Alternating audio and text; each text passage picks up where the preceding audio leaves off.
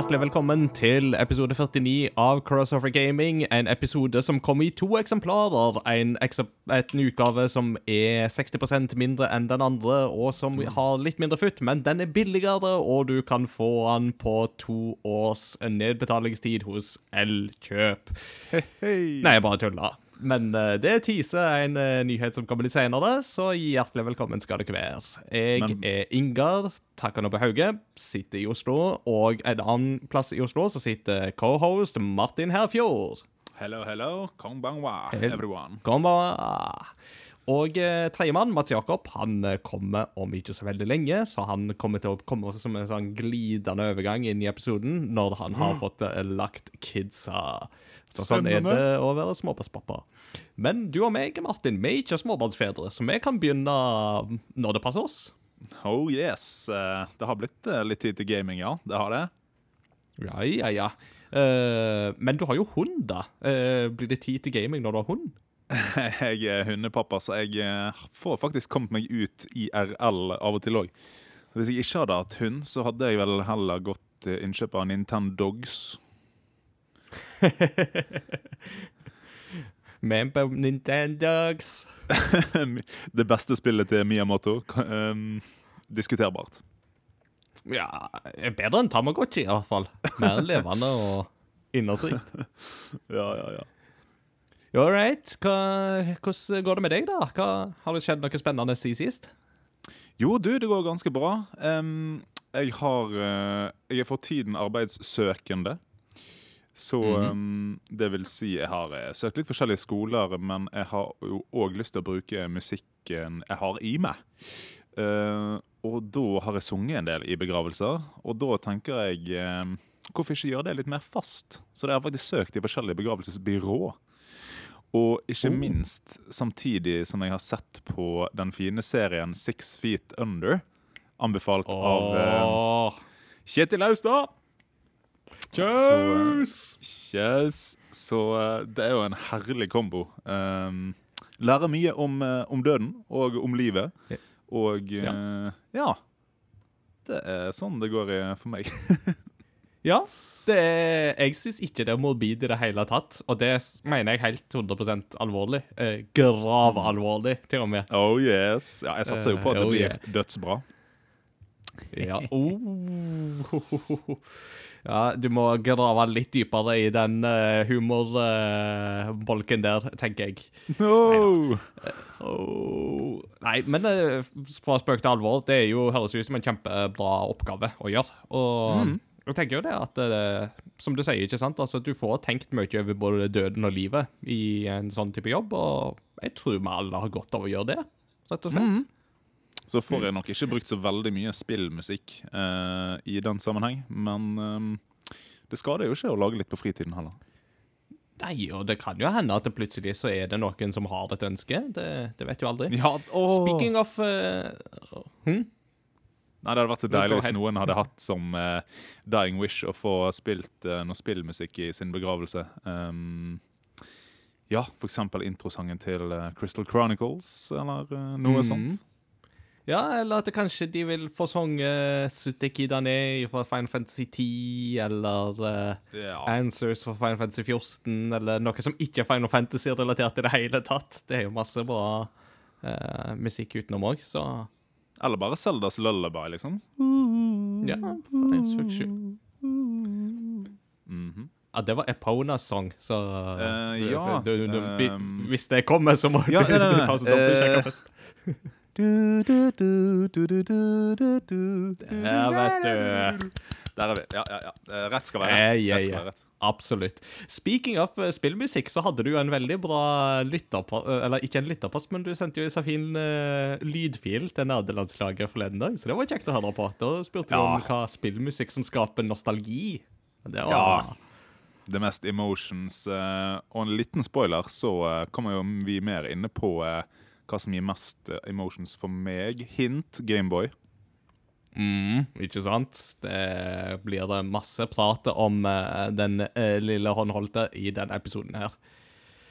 Yeah. Um, Sjøl har jeg ikke så veldig mye spennende å melde, uh, annet enn at jeg prøver akkurat nå å få en uh, SSD-harddisk til å fungere. Um, det er jo ikke så vanskelig, egentlig, men det er bare det å få skuddene den fast, og så er det bare å få kobla til riktige kabler. og var mer vanskelig enn jeg skulle ha trodd, så uh, Much to learn I still have, rett og slett. Oh yes, Padawan. Har du prøvd å sparke til hele uh, PC-kassen?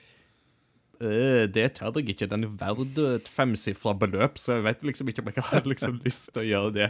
Det sånn, Til nøds så kan jeg liksom slå en håndkontroll i sofaen, men det er sånn, det er det verste jeg, Det er det neste jeg kommer, altså. The Nei, nerd, nerd, nerd-raging, det, Ja, ja, ja. det, det har jeg ikke så mye av lenger som jeg hadde før. og Det er blant annet fordi jeg har en kone som har hjulpet meg masse med det. Men å oppleve teknologi, eller å håndtere teknologi som ikke fungerer, det er noe av det verste jeg vet. Da blir jeg sinna. Åh, da eh, Da, da, da er jeg i gremlin-modus og skikkelig bare Nei, hva kan jeg gjøre? Bare blir sånn, Ja, ja, ja. Da finner jeg fram min indre yakuza og bare mhm, Same, same. Det er på toppen av hatlisten. mm. Det er um, Det er som Will Ferrell, uh, var det vel, tror jeg, som sa det. Uh, before you marry someone, try to put them uh, Before you marry someone, put them down with an old computer and a slow internet connection to see how they react. ja. Og hvis du kan håndtere det, da er det sånn Da, da, da kommer ikke flere overraskelser lenger i det ekteskapet. Da, vet, da kan du håndtere alt som måtte komme.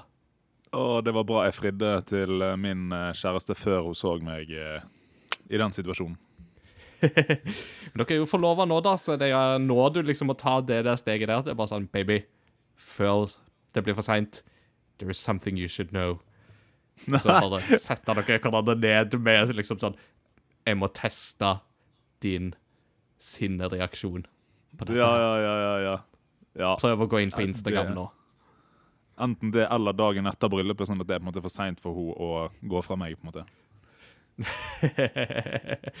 Kommer an på om du skal være på en måte galant eller kynisk, det vet du, Martin. Så, Ja.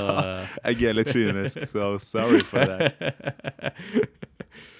Vel, um, kynisk kan vi jo ikke si at um, Chadwick Boseman var. Det var, var det jo ikke før ferdige med forrige episode, før uh, trist nyhet kom om at uh, selveste Black Panther gikk vekk i en alder av 43 år.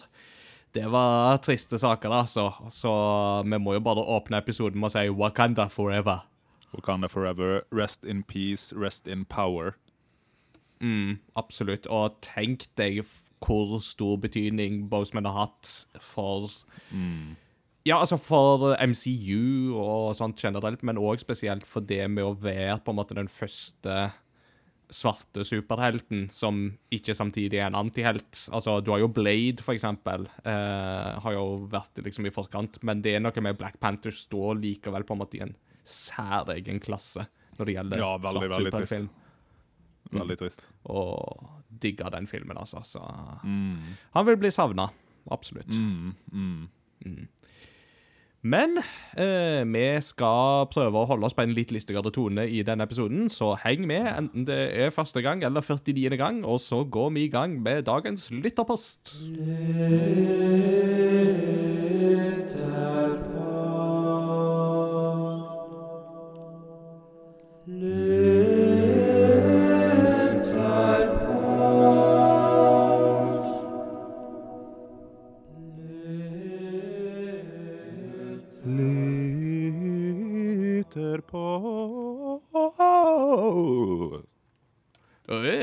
skal jeg si. Vi fikk en eh, remix på lytterposten i dag. Sånn er det uten Mats Jakob. Ja, ja, ja. Uh, og i dagens lytterpost så har vi en plot twist! Da, da. Plot, plot twist. Har dere spørsmål dere vil stille til oss? Mm. Den var det du som kom på, Martin. Og vi har fått ganske mange kule spørsmål i dag, så det er jo kjempemessig. Og hvis eh, Ja, kjempebra innsats, absolutt. Og hvis det er noen av dere som vil eh, slenge inn en lytterpost, eller lese de andre lytterpostene, så er det bare å gå på enten vår Facebook-side eller vår Discord-server, som du bare må bli medlem av. Eh, og eh, begge, lenker til begge finner du på nettsida crossovergaming.no. Nå har vi fått med oss Mats Jakob òg, så da er han klar til å lese lytterposter. Eh, og Oh, med yes. det så kan vi jo kanskje gå i gang. Uh, jeg tror jeg tar og så begynner jeg med en uh, gøyal en ifra Christer van der Meren, som har skrevet til oss på Facebook. Han har skrevet følgende Det er ropt ut en faste for Herren. Jeg likte bare introen der. Og resten av livet får dere kun lov til å spille spill fra én serie. Hvilken serie velger dere, og hvilke avveininger gjør dere i dette valget? Dere kan velge om dere vil lese hele deler ingenting av følgende som en del av spørsmålet, eller ta det som et stille tips for å sette tankene i gang. For eksempel hvor ofte kommer de nye spill i serien? Hvor bra er det sannsynlig at de er? Gjenspillba hvor gjenspillbare er de? Hvor variert er serien? Hvor fort vil dere gå lei av serien? Hvordan vekter dere kvalitet mot kvantitet, mot personlig sma sjangersmak, osv.? Serie er for øvrig ikke, ikke absolutt definert. Dere har litt spillerom. Så eh, Vi får bare lov å spille én serie resten av livet, fordi vi går inn i en faste for Herren. Hva serie velger vi? Mats Jakob. Eh, jeg velger Final Fantasy-serien og holder òg. fast. Du gjør det? Ja, ja. Fordi der, der har du et eh, Der har du masse bra rollespill. Du har et, M, et eller to MMO. Mm. Hours of Fun. Uh, du har racingspill. Chocobo Racing på PlayStation Mm -hmm. uh, du har uh, taktikkspill i Final Fantasy Tactics. Mhm. Du har Altså, det er en serie med mye variasjon, selv om det også er mye av det samme. ja, ja, Og så er det jo absolutt. variasjon ifra setting i, Settingene er jo ulike i spill til spill. Så du har liksom mange verdener å besøke. Mm. Og måten jeg kom på dette, var for jeg tenkte først Warcraft-universet. Men der er det jo liksom For jeg tenkte å, da har du World of Warcraft og Warcraft-spillene. Men det stopper liksom litt der. Ja, ikke sant. Nei, jeg er Um, veldig enig. mm. Uh, Final Fantasy-serien sjøl, for at uh, der kommer det liksom jevnlig noen titler, enten det er en remaster eller en remake, og så kommer det jo noen spin-offer, sånn altså, Du nevnte jo Chocobo Racing, men du har jo òg Crystal Chronicles, som jeg skal Ja. innom etter hvert, og du har den derre Chocobo Dungeon uh, crawl-greia, Chocobo Dungeon, ja, og ja. ja, og så har du jo Theater Rhythm Final Fantasy, Ja. som er disse musikkrytmespillene som jo er fantastiske. Så jeg er veldig enig i den. Um, Ja. Zelda-serien kunne vært et annet valg, men jeg tror jeg òg ville sagt Final Fantasy. Ja, men grunnen til at jeg valgte Final Fantasy over Zelda-serien, er den grunnen jeg tenkte du ikke kommer til å velge Final Fantasy-spillerne, er fordi at jeg har spilt eh, to tredjedeler av Final Fantasy 6. Jeg har spilt Final Fantasy 7 som barn. That's it. Ja. Så jeg har veldig mye nytt å ta av. Mm. Eh, sånn at, eh, mens du har jo spilt så å si alt. Så du vil jo spille på en måte på nytt veldig mange spill. Mm. Eh, for det er jo grunnen til at jeg ikke ville valgt Zelda-serien, for det, det eneste jeg sitter igjen med, er The Unholy Trilogy på CDI, og det, det er ikke noe Jeg føler ikke det er noe jeg, jeg hiver, higer ikke etter å spille de spillene. Nei, det er sant. Ellers har jeg på en måte spilt det meste. Ja, det er Korona, korona, korona, Korona. korona. Martin Med overlevde. Corona. fint, folkens. Eh, nei, altså, men jeg tenkte for min egen del så er det at jeg vil gjenspille en del av spillene. Det er jo noe jeg har tenkt på Ja. lenge. Og jeg kan jo alltid alltids prøve å skru opp i vanskelighetsgrad hvis det går an. Så ja. Så det er kanskje litt av Mm. grunnen. Men eh, det er jo et bra argument, som du sier, så det kan hende at jeg ville valgt Shin Megami Tensei slash Persona-serien i stedet, for der har jeg jo veldig mange som jeg ikke har spilt. Absolutt. Du da, Martin? Nei, det blir jo fort uh, Ultimate Barbie Horse Girl uh, Power 34. uh, eventuelt Nei, du var inne på det, Mats Jakob. Um, altså, hvis jeg kan velge Warcraft med eh, World of Warcraft, eh, så er spørsmålet om hvor Heartstone passer inn der, da. Men um, Hvis det er en del av Warcraft-universet, så tenker jeg at eh, Hvis du tenker du, Christer ga oss jo frie tøyler til å definere det, da. Hvis du sier at det er en del av Warcraft-universet, selv om de ikke har en Eller har det en Warcraft i tittelen sin? Det er jo eh, Hearthstone Heroes of eh, Warcraft. Ja, ja, men da syns jeg det, ja. Mm. Så det er jo litt juksing, da, men da er det iallfall null tvil for min del. Spesielt uh, snakka med Mm. Sjaus om å, um, at vi skulle begynne på Shadowlands sammen. Så Mm. um, da er det no-brainer for meg, egentlig. Mm. Ja. Jeg, tenk, jeg tenkte på en annen, en annen ting. eh, Der kunne fort ha vært uh, Dragon Quest-serien òg. For det, der er det òg mye festlige spin-off-spill. Blant annet Mm. Builders. Uh, Eirik snakka jo om en del av det. Hva det heter for noe? Fling Smash? Nei, hva heter det for noe? S slime Sling? Nei. Eh. Det var et eller annet sånn merkelig DS-spill. som var noe Ja, sånn det var det der, eh, det Slime Quest-greiene, ja. Ja, og så har du jo de her eh, Du har alle Dragon Quest Monsters-spillene.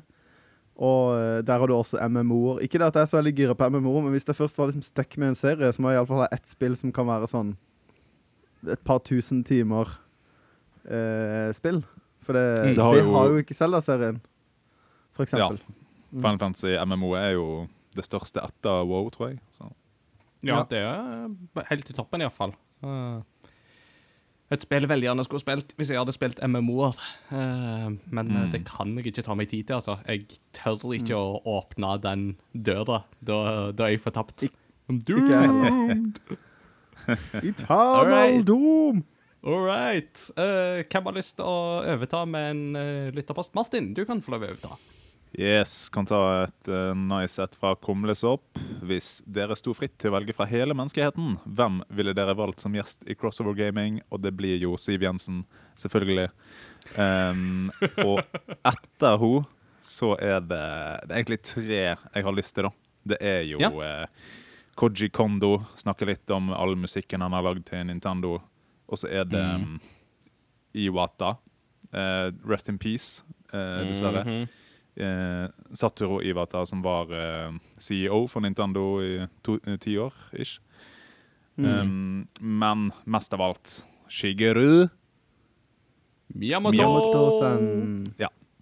Altså, når du har lagd Mario, Zelda, Donkey Kong eh, Alle Ja, du har bygd eh, Nintendo, basically.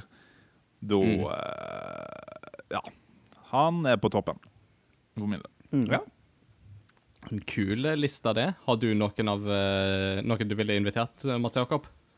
Uh, ja, Uh, men det er litt sånn av ren altså nysgjerrighet. Hva skal jeg si? Uh, jeg ville gjerne invitert han godeste Er det Sakurai han heter, han som har lagd Smash? Ja. Fordi jeg ville bare oh, ja. undersøkt han for å se om det er en eller annen plugg et eller annet sted i nakken, eller jeg, ville- jeg måtte bare fysisk sett at dette mennesket er et menneske og ikke en vampyr. Eller, hva jeg mener? Han blir jo younger yngre by the years. Og så eventuelt liksom høste han for å få tak i ungdomskilden. For det, Mm. og fått han til å lære meg å spille Smash mot meg sjøl med to kontrollere. Det hadde vært helt Aha. skremmende kult Wow. å lære. Eller å bare se det i liksom levende livet. Det hadde vært helt rått. Mm. Mm. Nei, så det er eh, en jeg ville ha møtt. eh, og hatt som gjest. Problem, altså, Språkbarriere er ikke noe problem, siden du tok tre japanere. Vi har jo en som kan være tolk, men Jeg fikser er det, det vet du. Da, er det jo i praksis Ingar som snakker med dem, og ikke vi. Vi får til en simultantolking som er ganske god. Ja. Ehm, og så et uh, banalt uh, svar. Eh, det hadde jo vært festlig å hatt vår Herre og Frelser Jesus Kristus på besøk, da. For, å, for, å, for å høre hva han syns om vold i TV-spill, for eksempel.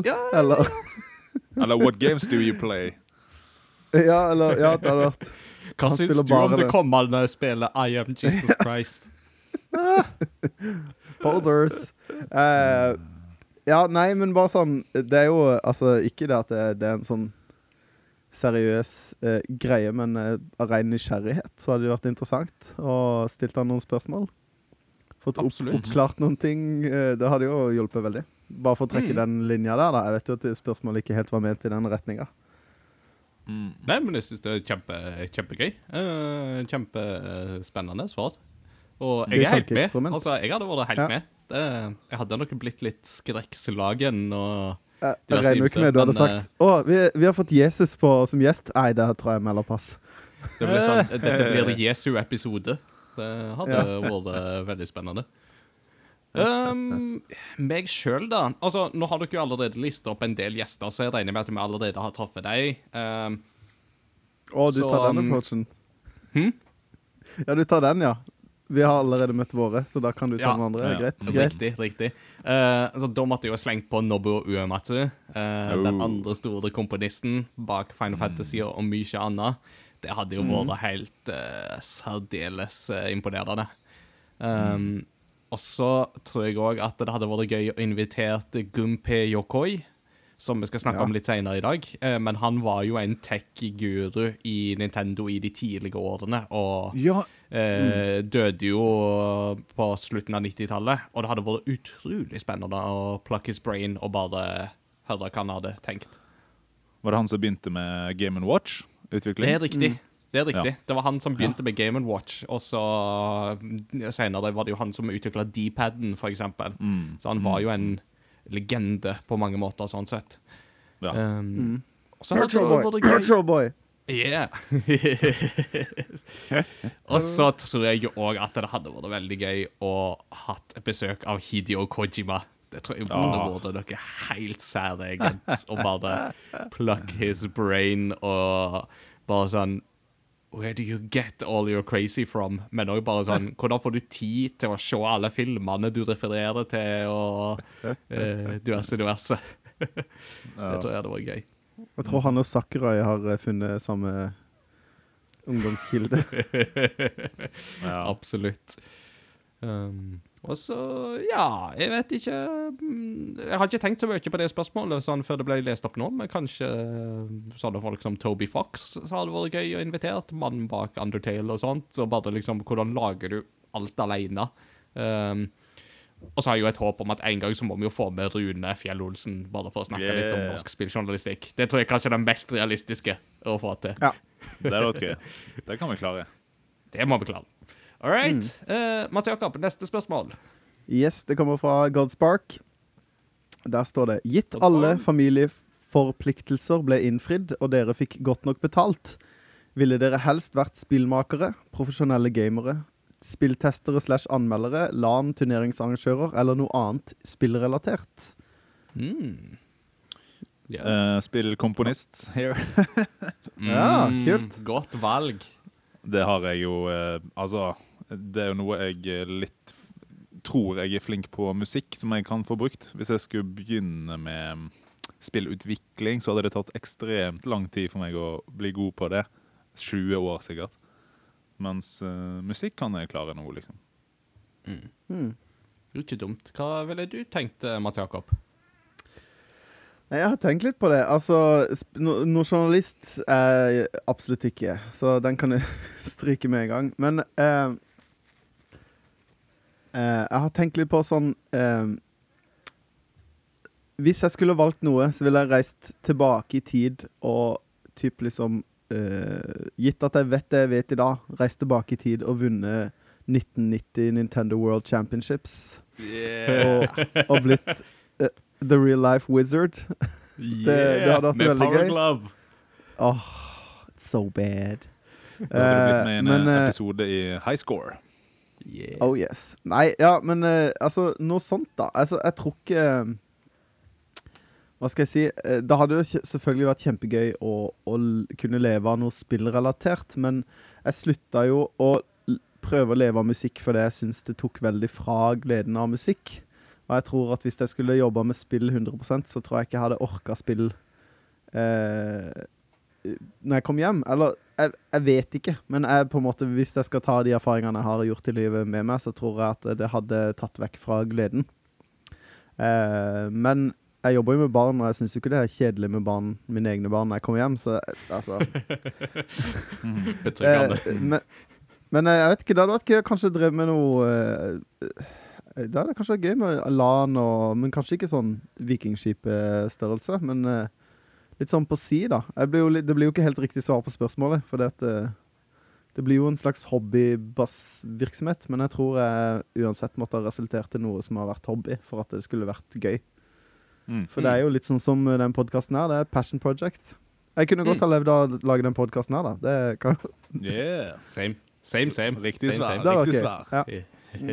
Eh, jeg bare kom på, når du sa det med journalist, så kom jeg på en til som hadde vært veldig gøy invitert til podkasten å snakke med, og det er Jason Schreier, som jo tidligere var i Kotaku og nå skriver for Bloomberg. For han er jo en meget dyktig gravejournalist når det kommer til spillbransjen, og det hadde vært veldig gøy å pluck his brain uh, på et Pick his brain, heter det, på et tidspunkt. Og bare, ja. Um, jeg tror nok at jeg absolutt ville gått mer til den journalistiske linja, for at det er jo den erfaringen jeg har for Game Rector, og føler at det er et format som jeg etter hvert kan nå mestre. Uh, Så jeg ville nok på en måte gjort mer av de tingene der, altså skrevet anmeldelser, uh, dybdeartikler om spill, Uh, kanskje snakke om tingene, enten på video eller i podkastformat, sånn som vi gjør nå. Eh, jeg kunne nok ikke drevet med videoredigering sjøl, for det, det kan jeg ikke. Men hvis jeg hadde fått noen som kunne gjort det for meg, så hadde det vært eh, kjempegøy. Og ellers bare vært en litt sånn, holdt jeg på å si, spillguru, kanskje. Som bare hadde Ja, på en ja, måte reist litt rundt og bare på en måte snakka om spill og vært med på ting som har med spill. Kanskje ikke så mye på turneringsfronten og sånt, men mer på en måte som analytiker, kommentator og og sånne ting. Og mer på en måte liksom snakke om spill på panelsamtaler eller presentasjoner, sånn som vi har jo fått lov å gjøre, gjøre litt av og til eh, i ny og ne. Men fått gjort enda mer av det, da. Det hadde vært ekstra gøy. Eh, så det, tror- jeg tror jeg ville nok gått den linja. Eh, du, har- har du tenkt noe på liksom typ sånn forskning? Du er jo, uh, du er jo for, forholdsvis akademisk av det. Hadde du syntes det vært interessant å forske på ting som har med spill å gjøre? Eh, eller er det litt sånn, blir det litt for stort igjen, eller uinteressant? Nei, jeg tror kanskje at det hadde vært gøy òg. Men jeg tror nok at eh, jeg hadde mer lent mot det journalistiske enn det forskningsmessige.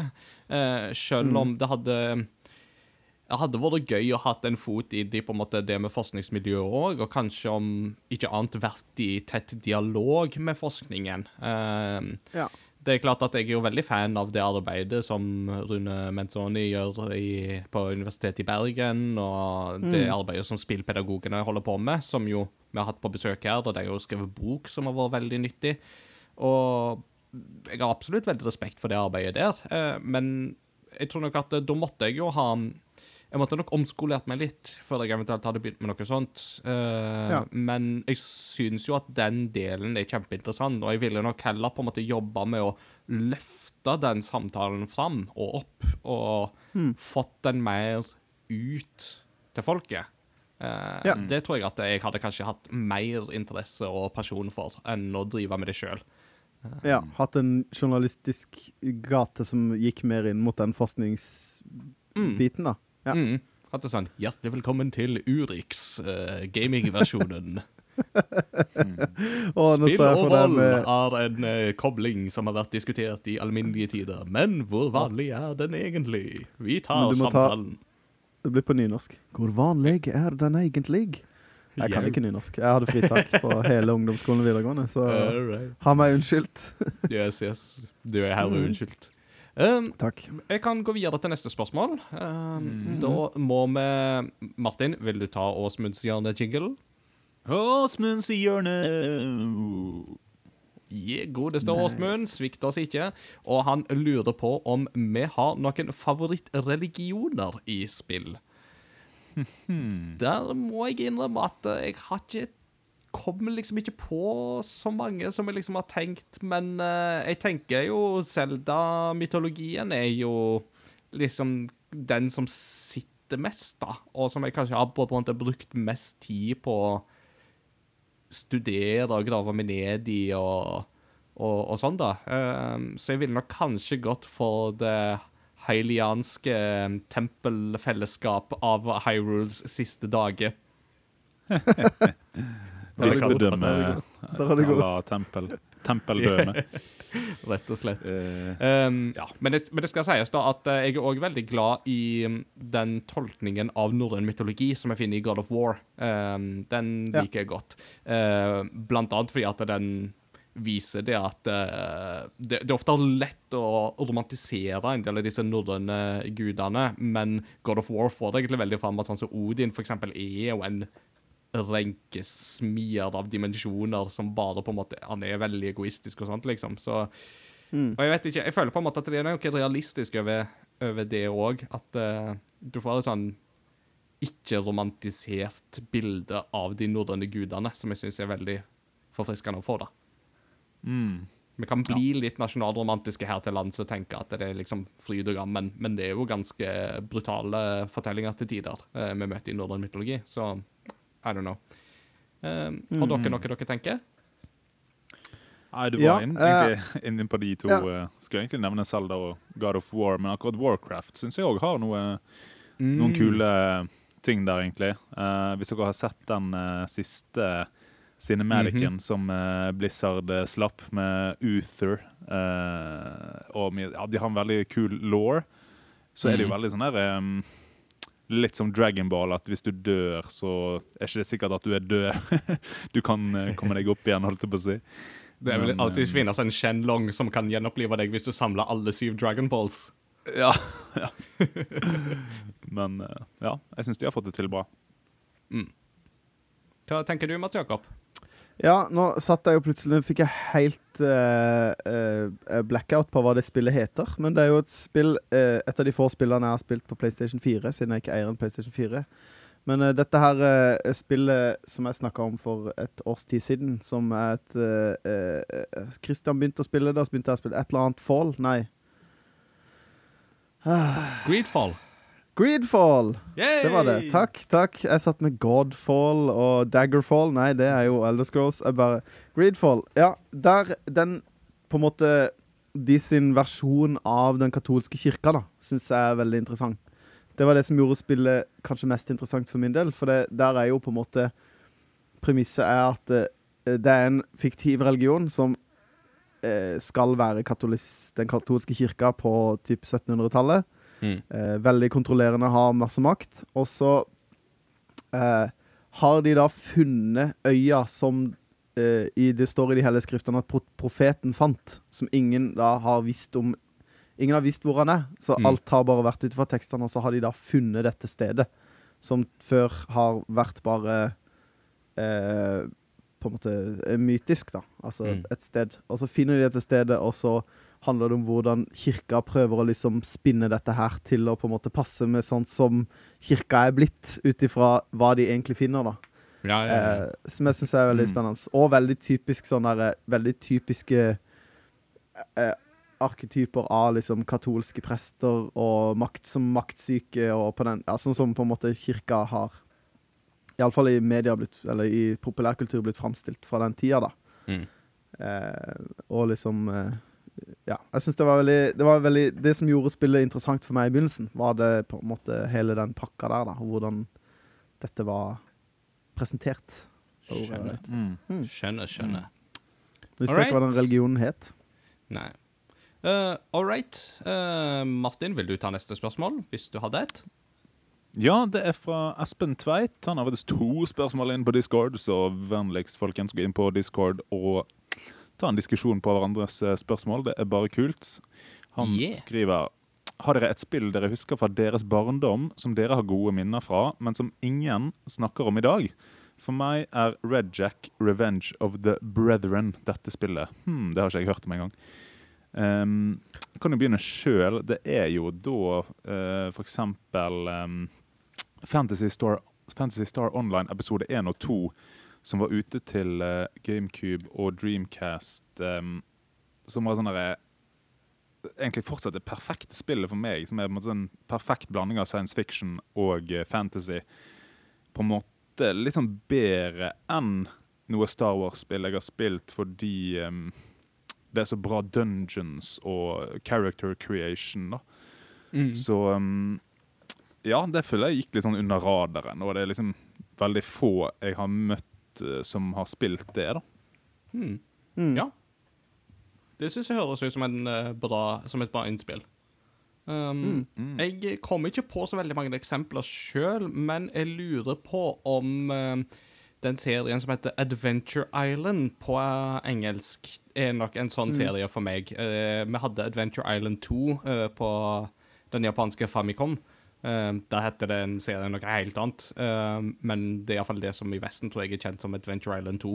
Et utrolig vanskelig spill som jeg aldri har klart å gjennomføre. Jeg har kommet til siste boss og daua, og da må du liksom Du begynner ikke helt fra scratch, men du begynner på scratch på den verdenen uten noen av de der dinosaurene og hammerne du kan få som hjelpemidler underveis. Og da er det bare sånn Da, da går det ikke. Da er det bare umulig.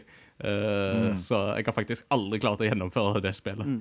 Men Det er litt eh, som uh, jeg skal bare si, det er litt som en sånn uh, old school shoot em up. At, litt som R-type, egentlig. At hvis du dør, så kan du lyst til å bare begynne på nytt, for dette, da, da går det ikke. Mm, Ikke sant? Mm, uh, og det er jo veldig beslekta med Wonderboy-serien. Altså Det har veldig mange likhetstrekk med Wonderboy, og den er jo mer kjent. Men Adventure Island den hører du veldig sjelden om, så jeg tror nok at det er kanskje det jeg ville slengt inn som et uh, spill der. Alternativt så måtte det vært noe Megamann eller noe Star Wars Rogue Squadron, men det hører du av og til om, så jeg føler ikke at det teller. Mm. Ja, nei uh, med, uh, et, Vi hadde jo Retrospillauget på eh, tirsdag. Første samling med hvor vi alle skulle ha spilt noe. Det var Mhm. veldig gøy. Og da ble jeg og, ehm, eh, og to andre ble sittende igjen og prate etter at vi var ferdig. Og da Det var da Det var Espen stilte det spørsmålet, var det ikke det? Ja. Ja. Jo, ja. Det var da han begynte å snakke om dette, da. For vi begynte å snakke om eh, Om spill fra, fra barndommen. Og, og, litt, og vi begynte å snakke om pek og klikk-spill, da. Fra Mm. barndommen. Og det var da han kom på dette her. Og det spørsmålet kom rett etter at vi var ferdig med å prate, så hadde han skrevet det inn i Discord. Så, eh, Mm. Men eh, For jeg har jo et pek og klikk-spill som ingen snakker om, og det er jo Discworld. Mm. Terry Patchett's Discworld. Eh, men jeg tror det store spillet for meg må jo være selvfølgelig Hebereke Euphoria på 8-bit Nintendo. Er et spill som kom ut i Skandinavia og Japan. Så det, eh, i retroverden så er det jo selvfølgelig de som er veldig kjent med 8-bit Nintendo-biblioteket, eh, både her i Europa, men også i USA, vet jo at det fins. Men eh, jeg syns jo eh, Høres jo partisk ut, men jeg spilte det barn, spillet som barn, spilte det som voksen, og syns at det var et veldig bra spill. Og så Mm. syns jeg at eh, Det er ikke det at folk ikke nevner det, men det blir liksom bare nevnt som et sjeldent skandinavisk spill. Mm. Eh, Mm. Men folk snakker ikke om det fordi det er bra, de snakker om det fordi det er sjeldent. Ja. Eh, men jeg syns at det er et veldig bra spill. Så jeg Mm. syns på en måte at det er et spill som har fått anerkjennelse på feil grunnlag. Mm. Mm. Eh, sånn at det blir snakka om, men på feil grunnlag. Så Mm. det er liksom min eh, approach til det spørsmålet her, da. Det er ikke bare Mm. gode looks, det har noe inni òg som er bra. Ja, All right. Get the brains to show it. Mm. Uh, Har du et eh, spørsmål til som du vil slenge inn, uh, Mats Jakob? Ja. Uh, Nikolai skrev et spørsmål som jeg syns var veldig gøy, som treffer meg midt i hjertet. Uh, og for dere som ikke kjenner til alle disse spillene, gå på YouTube, se gameplay, så skjønner dere hvorfor dette spørsmålet er veldig gøy. Mm. Eh, hvis du måtte velge Super Noah's Super Noah's Ark 3D, som det heter, han har bare skrevet Super Noah's Ark, eller noen kaller det for Super 3D Noah's Ark, for den tittelen er ikke lett å lese, eh, som det eneste tillatte shooter, eller Supermann 64 som eneste tillatte superheltspill. Et uh, godt uh, dilemma der, altså. Ja, og redaksjonen ler godt. Kjenner du ikke til spillene, gå på YouTube. Oh. Sjekk det ut. Supermann 64 er jo et notorisk elendig Nintendo 64-spill. Eh, Mm. Buggy Det er ikke bare fryktelig vanskelig å spille, men når du først kommer deg et stykke, så er det så buggy at du får game-breaking glitches nesten hele tida. Og eh, Supernova Sark 3D er det eneste ulisensierte Super Nintendo-spillet som klarte å komme rundt den lockout-chipen. Mm. Eh, og er da Sånn som historien er, jeg er ikke 100 sikker på om dette er verifisert, men den gjeldende historien er at id Software ga eh, Wisdom Tree eh, eh, koden til, altså source-koden til eh, Wolfenstein for at de skulle kunne liksom eh, gi en over på Nintendo, da. Fordi at de skjønte at Nintendo De hadde prøvd å gi ut et ulisensiert spill. Så istedenfor å være da en Hva er det nå? BJ Blaskowitz Witch, som skyter nazister, så er du da Noah som skyter mat på geiter for å få dem til å sove. uh, makes no sense. Lol, lol, lol. Det er kjempegøy. Men uh, ingen av disse spillene er veldig bra. Men har Nei. dere en eh, preferanse? Dette dilemmaet dette er på høyt nivå. Martin, jeg tror du har fått en konkurrent, for du er jo kjempeflink på sånne dilemmaer til Level Up sine uh, spørsmål. Men uh, her, altså, her er det på et next level, altså. Ja, det må jeg si. Jeg må jo si, jeg spiller jo ikke så veldig mye shooters eller superheltspill, så for meg så, Hvis Out um, Hva heter Blizzard sin shooter nå igjen? Overwatch. Hvis Overwatch er en shooter, så må jeg jo spille det, så da får vel Supermann 64 bli superheltspiller. Jeg tror faktisk det er den veien jeg òg må gå. Jeg er nok mer glad i shooters enn jeg er i superheltspill. Eh, Jeg er veldig glad i både Batman og Spiderman, og jeg har ikke testa Avengers ennå, men jeg tror det er et spill jeg kan komme til å like. Eh, men eh, de er ikke nok til å ofre shooters som Half-Life, Doom, Apex, eh, Overwatch, uh, Wolfenstein osv. videre Og ehm, ja, og superheltpåfyllet kan jeg få gjennom andre kanaler. Det kan jeg få gjennom Ja. tegneserier og film. Så jeg tror at uh, Supermann 64 blir det eneste superheltspillet jeg spiller. Åh, I never thought I would say that sentence. Du kan jo bare gå rundt IRL og skyte òg, da. Du trenger jo ikke ha spill for å gjøre det. Det høres ut som en veldig god idé, Martin. Takk for meg. Ja, god Takk for meg. Kjempeargument. Takk for meg. Nei, jeg, jeg er enig med dere. Jeg spiller, eh, jeg spiller jo ca. null superheltspill, så for meg er jo ikke dette så veldig vanskelig. Problemet, m- altså Litt av problemet her er jo at det mater jo også på, fordi at jeg har ikke enda testa Supermann 64. Jeg har veldig lyst til å spille det. jeg har argument for å velge den, for jeg må jo få testa dette her. Denne togulykken av et spill. Mm. Eh, men kan jeg snu litt på flisa, da? Ja. Eh, Super Noah's Ark 3D som eneste Super Nintendo-spill? Eller Supermann 64 som eneste 64-spill? Jeg tror Ja, den er litt verre. Jeg ville nok spilt Den- mer 64 enn SNES, så da uh, må jeg ta uh, at uh, Supernova er det eneste SNES-spillet. Noen av mine all time favorites er jo på 64, og samtidig så har Snes eldes bedre enn 64. Yep. Den er tricky, altså. Åh, den er tricky. Men jeg tror jeg sier uh, eneste 64-spill, og så spiller jeg heller uh, Ocarina of Time og Majora's Mask på 3DS. Nei, cheating! Cheating! Nei, da kan du ikke spille 64-spill. Det er jo eh, Ja. Nei, eh, men jeg, jeg tror faktisk jeg velger eh, Supermann 64 som eneste 64-spill. Fordi at jeg har spilt Jeg er veldig veldig glad i Nintendo 64, en av mine favorittkonsoller. Men Mm. jeg føler jeg har spilt alle de beste spillene på den maskinen. For den Mm. er litt begrensa på hva som er skikkelig bra. Det er Mm. veldig mye medium, og så er det veldig mye drit. Og så Mm. er det noen få skikkelig gode. Og de føler jeg har spilt. Eller iallfall testa nok til at jeg føler at eh, jeg har ikke gått glipp av det. Mm. Så jeg tror jeg hadde følt at jeg hadde gått glipp av mye mer av Super Nintendo-biblioteket. Hvis jeg skulle låse meg til de få gode 64-titlene som fins. Det er det jeg òg tenker. All right. På den noten så tror jeg vi avslutter lytterpostsegmentet. Det ble en lang og god bolk. Men eh, folkens, dette var kjempegøye spørsmål. Takk til alle som Mm. stilte spørsmål, uh, inkludert dere som vi ikke leste opp. Vi syns de var kjempegøye, de òg. Og Mm. fortsett å komme med gode innspill både på Facebook og på Discord.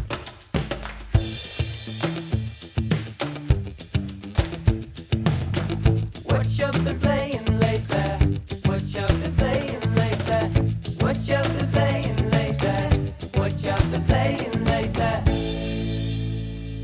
All right.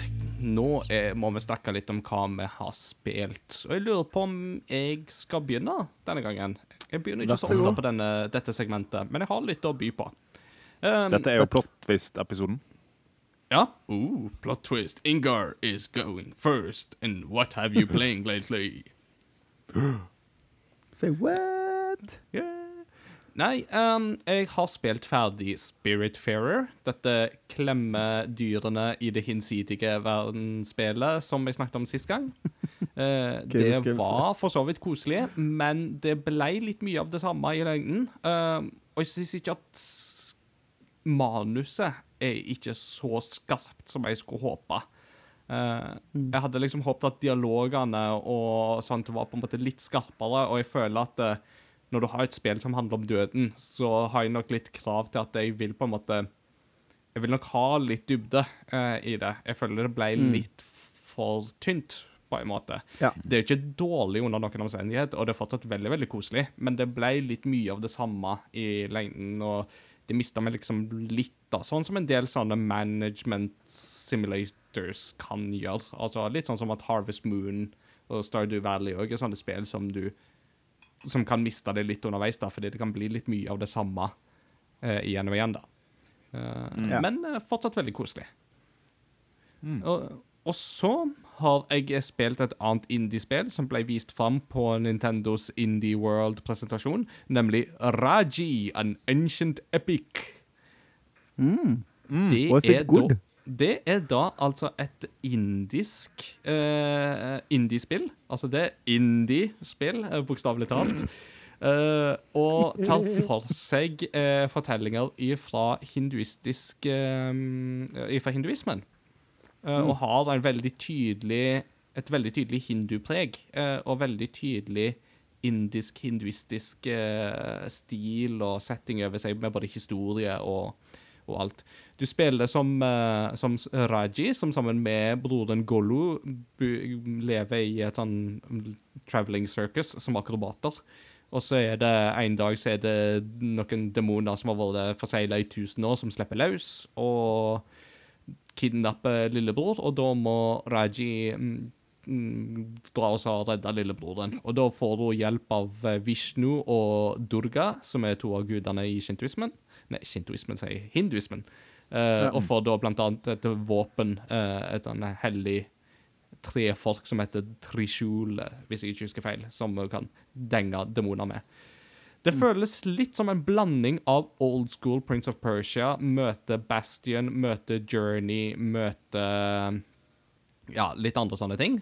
Så det har en veldig kul eh, Ja, og jeg minner litt om Brothers, var det jeg tenkte på. Brothers, A Tale of Two Sons. Um, så har et veldig kult preg over seg, og de er jo et veldig lite studio som har laga dette, så jeg er imponert sånn sett, men det er teknisk svakt, eh, og det er veldig merkbart. Kampene, for eksempel, blir veldig steile, og en del av animasjonene og sånt òg er veldig på en måte sånn slow-paced og sånn, så du merker at det, hadde de hatt litt mer ressurser til rådighet, litt mer tid, så kunne dette blitt en enda bedre opplevelse, da. Men eh, det var greit så lenge det varte. Uh, og begge disse spillene kan dere lese mer om på Game Reactor, der jeg har skrevet om dem. Kult. Og så uh, har jeg spilt uh, litt mer Persona 5 Royal, det er jo greit nok. Og så, Martin, så må jeg jo fortelle at jeg har begynt på Final Fantasy Crystal Chronicles. Det er så gøy. Og det er en um, fin cocktail av uh, gammel action-RPG der det er litt sjarm og veldig mange ting som er litt sånn Dette var litt stivt. Det er en uh, travel back to time på alle gode og vonde måter. Mm, absolutt. Uh, jeg har ikke fått komme så langt. da. Jeg har spilt kanskje en tre-fire timers tid. Jeg er i gang med year two, er jeg vel i gang med. Alright. jeg tror det siste monsteret jeg tok, det var The Goblin King. Den her Yeah. magiker-goblinen som står der bare Ja, ja, ja. Eh, Nei, men altså, det er jo et veldig annerledes eh, spill. Veldig lite Final Fantasy over det, syns jeg, bortsett fra på en måte navn og et par sånne ting som går igjen, med liksom chocoboer og moogles og krystaller. Men eh, samtidig så har det en viss sjarm, altså, som jeg ikke kommer helt vekk ifra. Og det er Ja, musikken er jo fin og sånt, og den har jo noen sånne kule elementer, så dette her det Moogle-temaet som kommer hver gang du får Moogle-post. Uh, det er jo fra Final Fantasy 6, egentlig. Den der.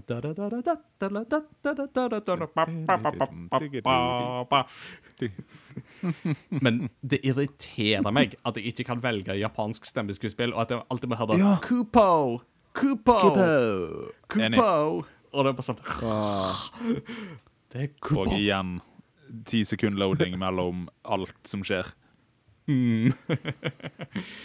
Så nei, men eh, jeg skal spille det videre. Jeg skjønner at det er ikke et sånt spill som jeg må bruke 50 timer på, så det, mm, jeg skal få spilt det ferdig. Og det er veldig gøy å krysse det av backloggen sin, men eh, jeg merker det ikke liksom høydepunktet i Final Fantasy-serien. Og Nei. det er sånn Dette er liksom i kjølvannet av Final Fantasy 10, som kom på PlayStation 2, så var det dette folk med GameCube fikk, og da kan jeg forstå at det var kanskje ikke litt Var ikke, var ikke helt på samme nivå, kanskje. Men eh, Nei. det er jo en spin-off, da. Det må vi jo si. Og det er et Ja. gøyalt eksperiment. Uh, ikke minst Ja, med dette med at du brukte jo Gameboy Advance, så mm, liksom spilte Brukte det som kontroll på GameCube, og at du kunne spille fire stykk som sprang rundt og sånn, så det er jo spennende sånn, da.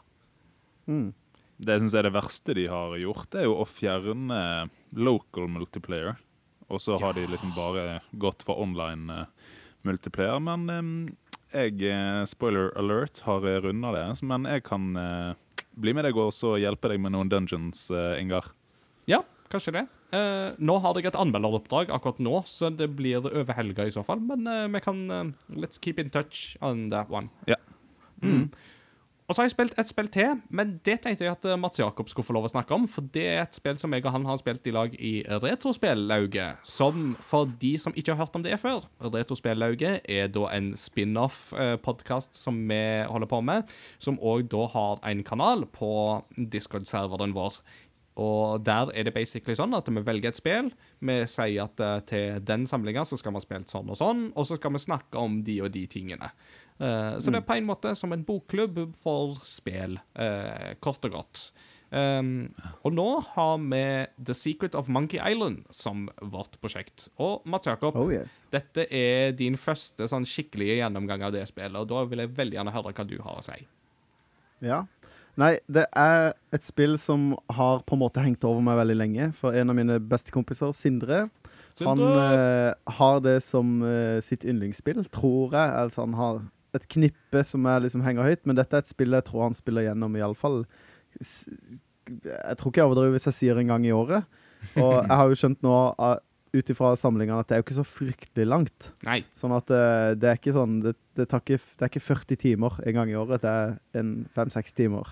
Mm. Og hvis du, kan, hvis du kan spille, så tipper jeg du spiller gjennom det ganske fort. Men jeg skjønner jo veldig godt hvorfor han spiller gjennom det så ofte, for det er et ufattelig morsomt spill. Mm. Det er, det er spille Du spiller en komedie, rett og slett. Eh, en piratkomedie med en fyr som ikke er pirat, som finner ut at han vil bli pirat. Mm. Uh, og det jeg, jeg opplever det som litt sånn britisk Monty Python-esk humor. hvor uh, Mye sånn forviklingshumor, hvor folk liksom eh, Hovedpersonen heter Guybrush Threepwood. Ja, ja, ja. ja. og, og eh, folk kaller han for uh, Mancombe og liksom eh, sier feil navn hele tida. Og virkelig liksom De går virkelig inn i den vitsen om å gjøre narr av navnet hans sitt, og det syns jeg er veldig gøy. Og så er det veldig mye sånn absurde ting som skjer, og hele settinga er veldig sånn tullete, da. Litt sånn Monty Python-tullete. Absurd er jo kanskje det beste ordet å beskrive det med. Mm. Eh, og jeg spiller det på Xbox 360. Jeg tror jeg er den eneste av de som eh, vi spiller sammen nå, eh, som spiller det på en Xbox. De fleste spiller det på PC. Men det er jo samme versjonen. Mm. Eh, men det er veldig gøy å spille gjennom en sånn gammel eh, klassiker. Mm. Eh, og jeg skjønner hvorfor det er en klassiker, for det, det er veldig gøy. Eh, og så har de gjort noen tweaks som har gjort at spillet er litt lettere å spille gjennom i dag enn det var for eh, 20-25 år siden når det kom. Eh, eller er vel mer enn 25 år siden Det er faktisk 30 år siden i år. Det kom i 1990. Oktober 1990. Ikke sant? Det er jo like gammelt som uh, Senior Martin. Aha. Nei? It's older than me. Oh, Hey. ikke sant? I'm a You 90. young Eh, un. Young You're un. 91, ikke sant? Bare barnet. Eh, Ja, ja. Men uh, ha, det er For det, i den nye versjonen så har du en ganske Ganske hendig hint-funksjon. For disse gamle pek-og-klikk-spillerne er jo kjent for å være eh, vanskelige og litt sånn Du må tenke veldig mye utenfor boksen for hvordan du skal løse gåter og puzzles i spillet. Og eh, hvis du sitter fast, så kan du trykke på Trykke på X-knappen på min Xbox, og så får jeg et hint om hva jeg skal gjøre. Og hvis jeg ikke tar det hintet, så får jeg et hint som er enda tydeligere. Og til slutt så får jeg et hint som har en pil. Du skal gå den veien. Mm. Og den pila eksisterer helt fram til du kommer dit du skal. eh, men jeg har, opp, det har oppstått at jeg har fått et hint og så har jeg ikke, som er pilhint, og så har jeg ikke skjønt hva jeg skal gjøre, selv om pila sier hvor jeg skal gå. Eh, Det er et tilfelle hvor det står 'go to the fork'. Og så er Mm. det litt sånn OK, men hvor er the fork? Det er ikke et sted på kartet som heter the fork. Og så er det sånn Så plutselig sånn Å ja, jeg kan gå hit. I dette veikrysset på denne veien, hvor alle andre steder har et sånt rødt lysende punkt, for dette er et sted å gå. Mm. Mens her, midt i dette veikrysset Å, det var dit jeg skulle gå. OK, greit. Eh, sånn at eh, Det er jo sånne ting du Jeg føler at i, for 30 år siden, når man gama, så hadde man for det første ikke så mange spill som man har nå. Det kom ikke spill så ofte. Eh, og når man først fikk et spill Sånn var det jo når vi var små. Når du fikk et spill, så spilte du det litt sånn om det var bra eller dårlig. For det var det, det var det nye spillet du hadde. Og du hadde tid til å sette deg ned og spille det spillet, og bare bruke to timer på å bare klikke det rundt og prøve deg fram. Mm. Eh, den tida har ikke jeg, sånn at jeg er veldig glad for en sånn hintfunksjon som kan få meg gjennom et spill på en måte som jeg syns er Som gjør at jeg er fornøyd med opplevelsen, da. Hmm. Eh, Mm. det hadde jo ikke vært det samme å sitte og se på en playthrough på YouTube, men eh, det er en mellomting mellom det, nå føler jeg for min del, for det jeg har ikke 100 timer i uka å spille på, sånn at eh, jeg vil heller komme gjennom spillet og ha tatt noen ekstra hints enn å, å sitte og trykke meg i hjel Mm. og klø meg i hodet. Mm. Skjønner den, absolutt. Vi skal få til en episode om uh, Monkey Island når vi er ferdige, og det vil jo passe veldig godt med tanke på 30-årsjubileet i oktober. Så Mm. Yeah. Og det er jo ikke for seint å slenge seg på. Som sagt, det er jo ikke et fryktelig langt spill. Vi har jo som mål å være sånn cirka ferdig til, til tirsdag, egentlig. Mm. Eh, altså dagen etter dagen etter denne episoden dette, denne episoden kommer ut. Men eh, det, luk, det ligger jo litt i kortene at vi skal spille både toeren og treeren og kanskje fireren også. mm. Eh, for å spille gjennom en serie som Spillene blir jo sikkert litt lengre etter hvert, og jeg vet ikke. Men eh, det er ikke for seint å bli med. Nei. Så oppfordrer så mange som hører på, som har lyst til å være med på den opplevelsen. Det er jo også litt gøy å bare få skravle om et spill òg. Jeg synes det er kanskje det Det er jo en av grunnene til at jeg synes det er gøy å være med her, er jo Mhm. fordi jeg får skravle om noe jeg liker veldig godt. Yeah. Uh, uten at det er liksom Man blir avbrutt på det, eller at nå, nå er tida ute, eller uh, Det er satt av tid til det, da. Og det er veldig fint. Det er kanskje det jeg setter mest pris på med dette her. Det tvinger meg, ikke tvinger meg, men det er litt sånn tvungen uh, gjennomgang av et spill. Jeg blir, føler på en måte et positivt press om å spille. Eh, og det er veldig hyggelig å skravle om spill når det er det vi skal. Det liker jeg veldig godt. Mm. Så hvis du eh, savner å ha noen å skravle spill med, så bli med i Retrospillauget. Yeah. Mm. Tirsdag klokka åtte pleier vi å samles nå, så uh, bli med. Mm. Vil du være med, så heng på. Yes. Da kan jeg fortsette på de andre tingene jeg har spilt. Nå skravla jeg lenge om Monkey Island, men jeg følte det var litt sånn på vegne av alle. så jeg skal prøve ikke skravle så lenge. Det ene spillet har jeg litt skravlebehov for. Det har jeg allerede skravla litt med det om Ingar. Men uh, jeg har begynt å spille Pokémon uh, trading card game igjen. Yeah. Uh, klarer ikke å komme seg unna det kjøret der. Jeg hadde Det ble trigga av Jeg har spilt mye med en, en kamerat, og meg, han har også spilt eh, fysisk. Eh, Jeg spilte mye for eh, sånn halvannet år siden, så spilte vi mye kort eh, på kveldene. Eh, og så dabba det litt av. Og når meg og Martin, du prøvde deg jo litt, og det er liksom har på en måte, Når du har én å spille med, så blir det fort litt sånn trått. Og jeg var liksom litt på nedovergående når du ble med, Martin. Men så en felles kompis som jeg har, Christer, som eh, jeg har spilt med, som heter Preben, han sendte en snap til eh, en sånn gruppe vi har, hvor han uh, sendte bilde av alle Pokémon-kortene sine han hadde fra når vi spilte som ungdommer, og skrev liksom Hæ, alle disse kortene er verdt masse penger? For han hadde skanna det inn i en sånn app. Og så sa jeg å, så kult, bli med og spill. Han bare hæ, spiller dere enda? Og vi bare ja, ja. Konge, jeg blir med. Og så var han litt sånn, ja, for han hadde blitt gira på Magic, da. Mm. Uh, Magic the Gathering. Og så Gikk det én uke, så var han hekta på Pokémon istedenfor. Yeah. Eh, og det jeg syns er fint, da, for veldig mange eh, Eller veldig mange, jeg tror mange som er ordentlig inne i liksom kortspillverden, da, litt sånn som du er, Martin, med Heartstone og folk som spiller mye Magic, at Pokémon virker litt som en enkel versjon av f.eks. Magic. Og det er jo Wizards of the Coast, de som har lagd Magic, som har lagd Pokémon-spillet. Det er ikke de som Mm. lager det nå lenger, men det var de som utvikla spillet og ga ut de første åtte seriene med kort. Mm. Mm. Eh, det jeg syns var litt gøy å høre, da, som ga meg på en måte litt sånn god følelse, fordi at jeg foretrekker Pokémon som mitt eh, card game of choice, eh, var at han Når han hadde satt seg litt mer inn i Pokémon, så følte han at det var mer kreativt enn eh, Magic. At, du hadde fler, at det var større rom for kreativitet da, å bruke kortene.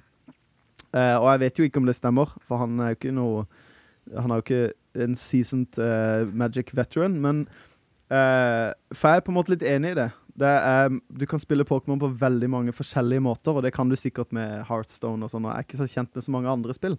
Men uh, når han satte seg litt inn i det, så fant han ut at uh, for eksempel, han bygde et dekk hvor han hadde eh, fem eller seks Pokémon totalt. Mhm. Og noen få Energy Ja. Card, og så masse trainere. Som gjorde at Ja. han bare kunne finne de få kortene. Han måtte ikke ha masse Pokémon for å kunne trekke Pokémon, eh, eh, for eksempel. Og eh, det fins veldig mange gøye strategier. Det er, han ene jeg spiller med, spiller med en strategi som heter Lost March. Som handler om å sende kort ut av spill. Ikke i discard pile, men helt ut av spill. Du kan ikke hente det inn. Ja. Og så har han en Pokémon som har et angrep som sier at du tar 20 skade per kort du har i The Lost Zone, som det heter da. Som er kort som er ute av spill. Og da kan du egentlig ganske raskt ta både 200-300 i skade, og egentlig gjøre ganske mye skade med utgangspunktet ganske dårlige kort. da. Dere kan ikke se mine Mm. gåse, herme, gåseøyne, hermetegn. Mm. Eh, så det er veldig kult når du kan bygge veldig gjennomtenkte deks. Og det, som sagt, det er i fare for å høres ut som at en snakker ned de andre. Det er sikkert mulig å gjøre de andre òg, men eh, det er det jeg syns er spennende med Pokémon. da. Og at du kan ikke I praksis så skal du egentlig ikke kunne kjøpe kort. Det er selvfølgelig en vei rundt det. Men eh, det jeg syns er gøy med det, er at jeg spiller med de kortene jeg har. Og de kortene jeg får ved å løse inn koder når jeg kjøper fysiske kort. Ja. Mm. Som er da måten Nintendo og Gamefreak og de har tenkt at det skal spilles på. Mm. Kult. Så det er kjempegøy. Eh, begynte å spille litt mer random battles der, og prøver å få litt sånn bonuser. Og hvis du vinner mye kamper på rad, så kan du få ganske gode kort av å vinne mange kamper på rad. Så det er gøy. Yeah. Og så har jeg en gledelig nyhet. Jeg hadde ikke softlocka meg i Golf Story. Det var bare jeg som hadde misforstått noe. Oh. Så jeg kom meg videre i Golf Story. Jeg trengte ikke begynne på nytt, selv om jeg begynte på nytt. eh, Men en veldig, veldig tvetydig Quest eh, eh, Hva heter det for noe? Eh, Quest marker. det han sa Ja, det han sa i Questen, var veldig tvetydig. Martin, Mm. Spiller du det på Switch, eller? Jeg spiller det på Switch, ja. Det er så gøy, fordi jeg snakket om det på Andreas Hedemann på nederlandslaget snakka om at han hadde Mm. begynt på det, og at det var veldig koselig. Så nå må Ja, nesten jeg òg steppe up the game Det her. er, det er et skikkelig gøy spill, altså. Men hva skal jeg si, hvis du ikke har spilt et golfspill før, så er det en veldig god vei inn. Eh, men hvis du liker golfspill, så er det også en veldig sånn god For det er jo et golf-RPG, og RPG Jeg skal ikke si det tar hardt i, men det er, det er et mildt RPG, og det er et mildt golfspill. Sånn at uh, hvis du liker koselige spill med litt gøyal humor Det er veldig mye golfhumor, da. Og jeg som har spilt litt Mm. golf, og det har jo vet jeg jo du òg har, Ingar Mm. uh, så er det veldig morsomt når på en måte eksempel det er en setting hvor det er noen som sier liksom De snakker om golfetikette. At du skal lære deg golfetikette. Og så sier han uh, et eller annet som liksom Liksom Snakker om det verste du kan tenke deg å gjøre, og liksom sier et eller annet som er skikkelig drøyt, og så bare eh, eh, Nei, nei, nei, nei. Det verste du kan gjøre, er jo å gå i puttelinja til noen Mm. på green Ja, ja, ja. og liksom tråkke Mm. der hvor putten skal gå. Det er liksom Det er jo det, det Sin above all sins. Jeg, tror du Eh, nevnte sånne den, jeg tror du nevnte den for et par episoder siden, faktisk. Så det Jeg syns det er ustyrtelig morsomt. ja, det er kjempe... Eh, men det spillet har brukt desidert mest tid på siden sist, det er PGA 2K21. Altså det nyeste PGA-golfspillet. Ja. Som eh, hva, var det, hva var det jeg skrev til deg, Ingar? At det har flere bugs enn en portugisisk gatehund? Eh, Det er et ekte buggy mess. Yeah. Eh, Iallfall på Switch, da. er det he helt Altså, helt krise grafisk. Men gameplay-mekanikken funker som det skal. Mm. Men jeg sendte jo et Mm. bilde til deg. Jeg vet ikke om jeg la det ut på Discord, eller om Jo, jeg sendte jo. det til deg. Men et bilde hvor jeg skal ta et, uh, slå et slag, og så er karakteren din, og hele banen er svart. Du kan ikke se noen ting av hvordan fairwayen ser ut. Du ser ikke hvor green er. Du ser ingenting. Eh, Men med en gang du har slått et slag og skal slå et nytt slag, så er det fint igjen. Sånn at jeg har ikke opplevd at ting eh, eh, låser seg. Men det er veldig mye grafiske glitches, og på Switch så ser det periodevis ut som et PlayStation 2-spill. Altså. Det er Det er ganske vondt. Men hvis du klarer å se forbi sånne ting, så er det i kjernen et veldig gøy golfspill. Det er et veldig eh, Et spill som belønner deg for å trene. Mm. Det er en ting som jeg syns er litt fett. For det du kan, du kan komme fra et tidligere golfspill og gjøre det bra, men eh, dette er det første golfspillet hvor du blir tvungen til å bruke eh, høyre joystick til å svinge eh, golfkølla. Du Ja. kan ikke velge en sånn meter-løsning hvor du trykker og trykker. Ah. Eh, og den er sykt nøye. Eh, og jeg sugde steinhardt i det spillet her når jeg kjøpte det, men syns allikevel det var gøy, fordi at jeg opplevde at jeg sugde på samme måte som jeg gjør i ekte golf. Ja. For det er slicer her og der, og jeg aner ikke egentlig helt hvor ballen går når jeg slår. Eh, og så så jeg et par YouTube-videoer med noen tips som handler om Fordi du må faktisk time svingen. Det handler ikke bare om å treffe på riktig prosent av styrke, men du skal slå framover i riktig tempo. Og det er veldig sånn Du må lære deg en rytme. Mm. Eh, og det er, det er ordentlig vanskelig, men det belønner deg for å trene. Og eh, hvis du skal begynne med det, anbefaler jeg deg å se et par videoer Mm. om eh, noen gode strategier for å få dette her litt bedre til i begynnelsen. Eh, sånn at du ikke ender opp med å Jeg har spilt mye golfspill før, eh, og som dere som har hørt på lenge, vet jo at jeg samler jo Har en greie for golfspill. Jeg samler på golfspill. Jeg har oppdaga at jeg hadde tre utgaver av eh, Tiger Woods PDG, PDGA, PGA Tour 2011 på Wii. Jeg kjøpte tre ganger uten å å tenke at å, et golfspill jeg ikke har. Eh, men det er, det er skikkelig gøy. Sånn at eh, det er første gang i mitt liv jeg har kjøpt et sportsspill når det kommer, og syns at Jeg har aldri kjøpt et spørsmål når det kommer uansett, men jeg syns faktisk det er verdt pengene. Mm. For det er skikkelig gøy. Og det er ikke pay to win i det hele tatt, selv om det er mulighet for å kjøpe um, Det er ikke mulighet for å kjøpe in game currency for å kjøpe bedre køller, men det er, ikke, det er ikke sånn at du kan kjøpe en skikkelig god kølle og så blir spillet lett. Mm. Du kan kjøpe en kølle som slår skikkelig langt, men du må likevel lære deg å slå med den kølla. Mm. Spennende. Ja. Ingar? Uh, jeg syns det er veldig gøy å høre om deg snakke om dette. For at eh, i, i Game Rector så har vi jo en, eh, en som er veldig dyktig på det med sportsspill. Vi har jo Daniel. Han er kjempegod på alt med sportsspill og sånn, og han skrøt veldig av dette PGA Tour uh, 2K21. Eh, men jeg tror ikke han har spilt det på Switch, for å si det sånn. For at det er veldig gøy å høre om dine Switch-opplevelser, og hvor buggy det er. Og 2K sine spill, sine sportsspill har jo et rykte på seg for at enten så er de veldig buggy, eller så er de ekstremt grådige på mikrotransaksjoner. Uh, Ja. Der NBA-spillene er jo kroneksempler på det med mikrotransaksjoner og pay to win. Uh, mens eh, disse wrestling-spillene, WWE, er jo buggy som fy, uh, og bare Ja. Så, så, så når et spill kommer som har det 2K-navnet i seg, så blir jeg alltid litt sånn eh, Hvordan kommer dette til å funke? Men jeg skjønner jo det at Ja. eh, de gjør veldig mye riktig, og så er Switch-versjonen den som kommer kanskje mest uheldig ut av det. Og det, og det forventa jeg jo når jeg kjøpte det. Jeg visste at når jeg kjøper det på Switch, så får jeg den dårligste versjonen av spillet. Det som er på en måte eh, eh, Hva skal jeg si Overskriften her er jo at eh, At det går ikke utover gameplayet. Gameplay er like bra uansett. Mm. Selv om trærne ser ut som Altså, det er, ja, de bakgrunnene kan ta seg en bolle, altså. De ser ikke ut i halvmåne. Men eh, Men det har ikke noe å si, på en måte. De bakgrunnene er bare bakgrunner.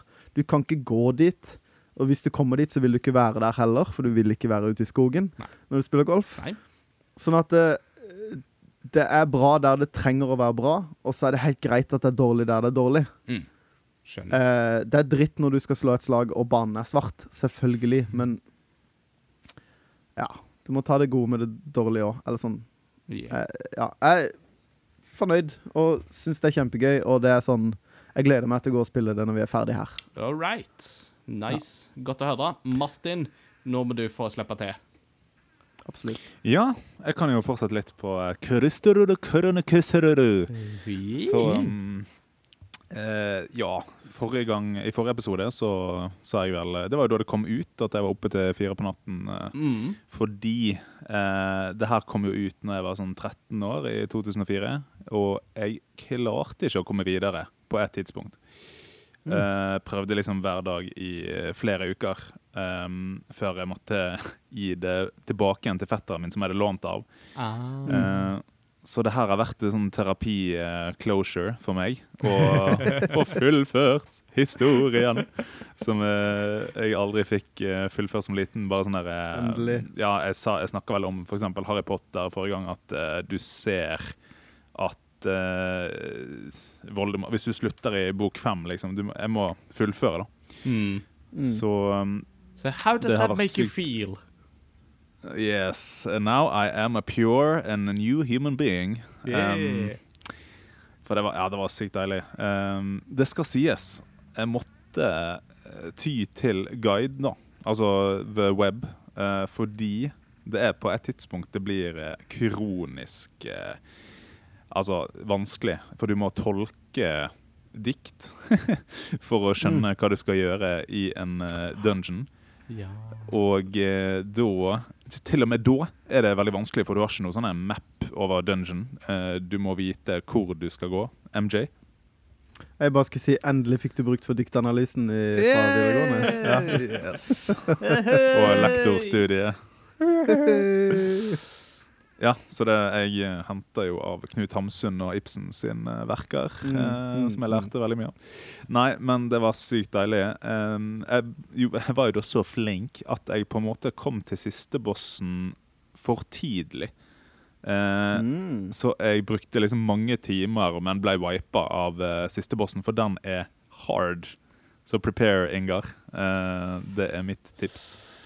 Um, det er litt sånn der vanskelighetsgraden går liksom dzzz, bratt kurve opp eh, til siste bossen. Men på en litt kul måte, da. Det er litt sånn der, OK, det er faktisk eh, at jeg må jobbe litt for eh, dette spillet her, liksom. Mm. Men vet du at det er Men, siste eh, bossen når du kommer dit? Ja. Du skjønner det, Mm. liksom? Ja. En ting, som, en ting som jeg har lurt litt på med Crystal Chronicles, er jo det at du lager jo egne rollefigurer og sånt. Um, vil du anbefale å bare ha én rollefigur, så du går for hele veien, eller vil du anbefale at jeg lager forskjellige rollefigurer ut ifra de forskjellige rasene, og alternere litt? Ja, jeg jeg, gikk for én, men eh, det er jo på en måte Hvis du lager flere karakterer, så blir de en del av den landsbyen din. Så da kan du på en måte få flere professions i den landsbyen. At du kan få liksom blacksmith og merchant og alchemist og det der. Eh, så det er nok lurt å bare ha de um, yrkene i din landsby, da, på en måte. Mhm. Så det er veldig sånn koselig. Sånn der, Snakke med familien og sende brev, og du får støtte av eh, landsbyen. Og det er veldig sånn koselig, kawaii, cute uh, spill. Mm. Um, men det var Ja, siste bossen har uh, en, to, uh, i hvert fall eh, fem nivå i oh, true oi. Square Enix-style. altså Du tror du har slått den. Nei, one more! Du tror du har slått den. Nei, one Altså- more! Og så one more. Er sånn der, eh, Altså, Eh, selv Kefka har bare fire former. Og Kefka er den Yes. tøffeste bossen jeg har vært borti, så come on, Square Enix. Cut me some slack. Yes. Ja, ja, ja. Um, nei, det er litt deilig at det var så vanskelig. Det var ekstra tilfredsstillende å, å slå det, da. Så um, det var sånn uh, Blast from the Past som jeg fikk uh, Eller et Ghost som jeg fikk uh, sletta. Uh, MJ. Altså, eh, jeg har spilt 20 minutter av det spillet her på GameCube for snart ti år siden. Sånn Mm. at eh, det jeg husker fra det spillet, er at det var veldig koselig. Ja. Og når du snakker om det, så høres det jo på en måte ut som en sånn blanding av Harvest Moon og Final Fantasy. At det er liksom Mm. Sender ditt brev, og du bygger en landsby, og, og så slår du Mm. en, en boss med fem faser på slutten. Eller sånn. Det, det, Ja. Det, det er litt sånn der eh, Hva er det du kaller det for noe? Ludonarrativ dissonans? Ja, ja, ja. Ja, ja, men det er det. det er en sånn dissonans mellom på en måte de tingene du beskriver. da At Det er liksom Det er en supervanskelig boss, og så skriver du brev til Ja. mammaen din. Ja, det er faktisk veldig sånn. og det er så bra, fordi plutselig så tar det noen dark turns, eh, den her eh, storyen. For det handler liksom om eh, minner. Du må, du må ta vare på minnene i livet ditt, da. Mm. Og eh, leve i nuet og det der. Um, så det, den som er evil, den på en måte fjerner minner, da. Ehm, Og så er det på et tidspunkt en som har uh, mista minnet sitt, um, og uh, visstnok skal ha drept en eh, person, da.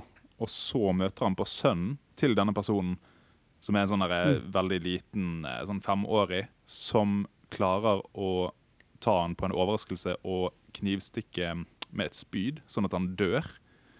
Og sånn, når han dør, så skjønner han at det er sønnen hans.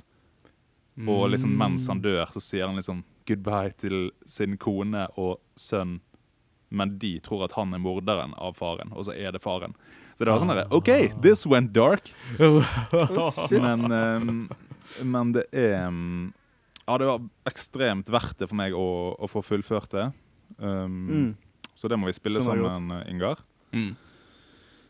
Så var det jo litt kontrast eh, når jeg hadde begynt på Breath of the Wild og veksla mellom det og uh, Crystal Chronicles. Det jo liksom Breath of the Wild er jo det beste som er blitt lagd i spillverdenen, liksom. Mm. Av eh, gameplay og grafikk og eh, null loading, eh, så å si. Um, Mm. det er jo bare helt nydelig. Uh, så jeg har uh, kommet meg litt. Uh, begynner å um, få disse her Divine Beastene, og det er jo bare så nydelig spill, vet du. Jeg Absolutt. hører jo masse på musikken, så Mhm. fantastisk. Den fest av et spill. Mm Ja, ja, ja. ja, ja. Jeg har Mm. spilt Heartstone, har fått en ny patch, så nå går det an å spille åtteplayer Battlegrounds. og spilt med Kjetil. Kjetil. Kjetil! Kjetil. Så kanskje vi kan få til noe eh, crossover gaming eh, eh, Discord eh, eightplayer-opplegg. Yeah. Det Fett. kan vi jo se an. Mm.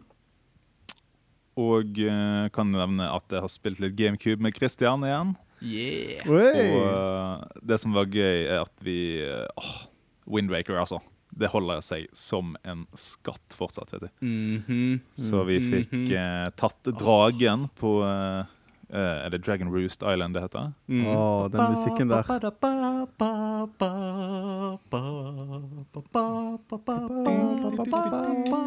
Der tror jeg vi har pausemusikken vår, for øvrig. Den må jo ta litt Dragon Roost Klapper du, til, uh, klapper du til musikken, eller klapper du etter flua nå, Mats Jakob? Nei, det var Vi hadde Det er merkelig. Jeg- sitter i garasjen.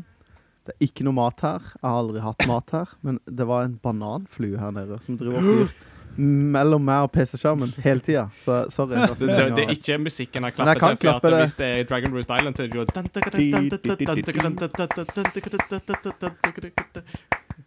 er sånn skikkelig sånn herlig Herlig um, flamenco-beat. Ja, det- stikker Gøy for våre lyttere der, altså. Yeah. Men det jeg kan òg nevne, er at vi fikk spilt litt Melee, og det som er gøy, er å unlocke characters. Um, jeg tror den vanskeligste er Mewtwo, for da Eller, den er ikke så vanskelig, for du kan bare sette på en kamp Mm. Ja. og gå uh, back, for du må ha så og så mange timer i en uh, Nei, du må, I versus, du må spille 150 versus-kamper, eller 250, eller et eller annet sånt. Mm. Ja, OK. Mm. Men vi fikk i hvert fall unlocka Marth Yeah. og uh, Yeah. Roy og Ganondorf um, og Dr. Mario. Nice. Mm. Og, og høydepunktet var jo når eh, vi skulle unlocke um, Jo, det er vel Marth, tror jeg. Nei, det er Falco.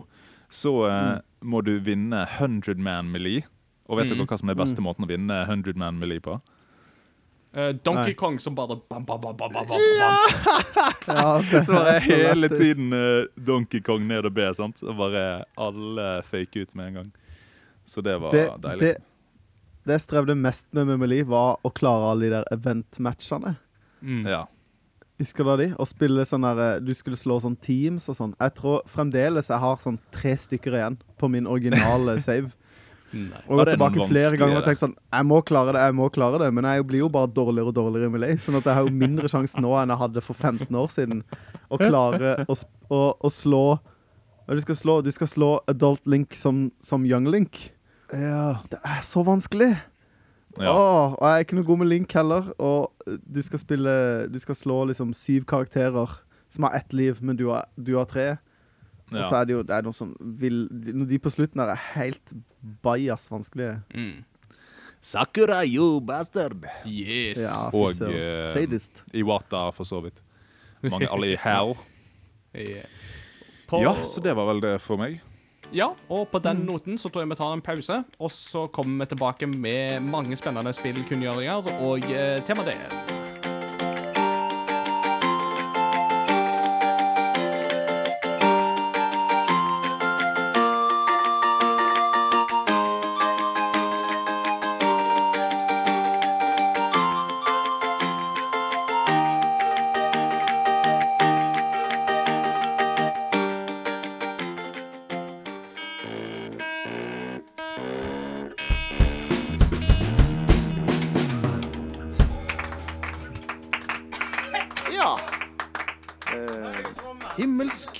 Fra ungdommene. Eh, nå er det ukens kunngjøringer.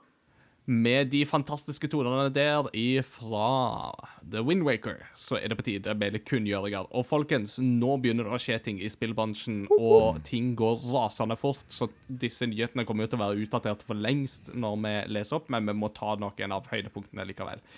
Kanskje en av de største, største nyhetene er jo det at Xbox uh, uh, Series S er bekrefta, og Xbox Series S og X kommer 10. november blir de lansert. Prisen blir henholdsvis 299 Nei, um, det var dollar. Um, 299 dollar for S og 499 dollar for X. Hvilket betyr at jeg hadde helt riktig når jeg sa at den kom til å koste 500 dollar. Så yay til meg. Haha. Eh, norske prisene blir henholdsvis 3299 og 5499, om jeg husker rett. Ja. Så grunnet høy dollarkurs og så videre, så blir det en uh, oppjustering der, altså. Så Men det er prisene, som da er annonsert. 10. november er datoen. Og en litt gøyal ting er at eh, de kommer til å tilby noe som de kaller for Xbox All Access, som er en slags nedbetalingsløsning på en Xbox.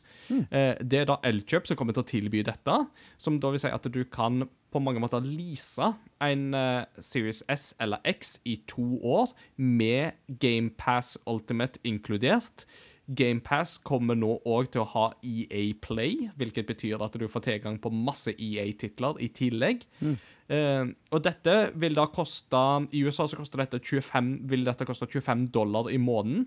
Og etter to år så eier du konsollen. Eh, og det Plutselig så klinker Microsoft til og slår ganske kraftig fra seg for å etablere seg som noen konger på nye konsollfronten, altså. Så dette blir kjempespennende. I snakkende stund så har ikke Sony ennå annonsert noe om hverken pris eller dato, men det ryktes at dette kommer ganske kjapt, og ryktene nå sier at um, PlayStation 5 kommer i utgangspunktet til å koste vesentlig mer enn uh, Series X, men etter at Microsoft har annonsert sin pris, så prøver nå Sony kraftig å justere ned sin egen pris. Så det blir spennende å se hva de lander på. Videre så har Nvidia presentert nye skjermkort. så De har presentert RTX 3070, 3080 og 3090. 3090-kortet blir en sinnssykt dyr affære, men kan til gjengjeld skryte av 8K i 60 frames uten problem. Men eh, med den kostnaden og alt, så sier de at det er sånn top tier som er sånn dette er ikke noe vi regner med at folk flest kommer til å gå for, så 3080 går for den. Um, og for de som er interessert i det, sjekk det ut. Jeg tror det er ganske vesentlige hopp å se på her. Så det mm. Ja, de sier at det hoppet fra 2080 til 3080 er større enn det hoppet var fra 980 til 2080, som jo var liksom to generasjoner imellom. Så Ja. check it out. Mm. Og så eh, er jo ikke de de eneste som har kommet med eh, nye annonseringer, for Nintendo hadde plutselig en eh, knakende knallannonsering forrige uke som de ikke hadde annonsert på forhånd. Det var Mario 35-årsjubileum, og der kommer nyhetene som perler på en snor. Jeg nevner annet en Game and Watch som kom i november, med Super Mario Bros. installert, og en klokke. Det er jo en Game and Watch, tross alt. Eh, De kommer med Mario Kart Live, som er en AR-løsning, der du skal kjøre sinnssykt. en faktisk liten Mario go-kart rundt i din egen stue. Så har den en kamera på toppen som da projiserer banen på din Switch. Og så driver du på å reise med dette. Det er helt absurd. Eh, utrolig gøyal sak. Kult. Um, det kommer òg en Mario Bros Battle Royale. Der 35 spillere spiller mot hverandre Super Mario Bros. Og sleng, hvis du tar en fiende, så slenger du han til en annen spiller, og Ja. Det- er, Helt bananas greie. Det er Tetris Ja. 99, bare Mm, Ja. Basically samme formelen. Og eh, det som jo da er kronen på verket for veldig mange, Super Mario 3D All-Stars. Et Switch, eh, en samlesak til Switch som inkluderer Super Mario 64, Super Mario Sunshine og Super Mario Galaxy. Endelig Galaxy! Yeah. Det som derimot er litt ulempe her, er at både den Battle Royale-greia og eh, 3D Allstars er begrensa på tid. Som vil si at det kommer ut 18.9., dvs. Si fredag etter denne episoden, og er kun tilgjengelig ut mars 2021. Etter det så vil de forsvinne, og dette gjelder da òg de digitale utgavene av spillet. Uh, Battle Royale-spillet er jo kun digitalt, mens 3D Allstars vil jo slippes fysisk i en sånn limited edition, men det vil kun være til mars, og så tar de det ned. Og jeg må si at helt ærlig så syns jeg at det er en veldig kynisk, rar greie å gjøre. For det er ingen god grunn til at du skal ha en limited edition av et digitalt produkt på den måten. Det gir ikke noe mening. Eh, det gir ikke mening, annet enn at eh, Nintendo vil sikre seg at folk kjøper dette til full pris.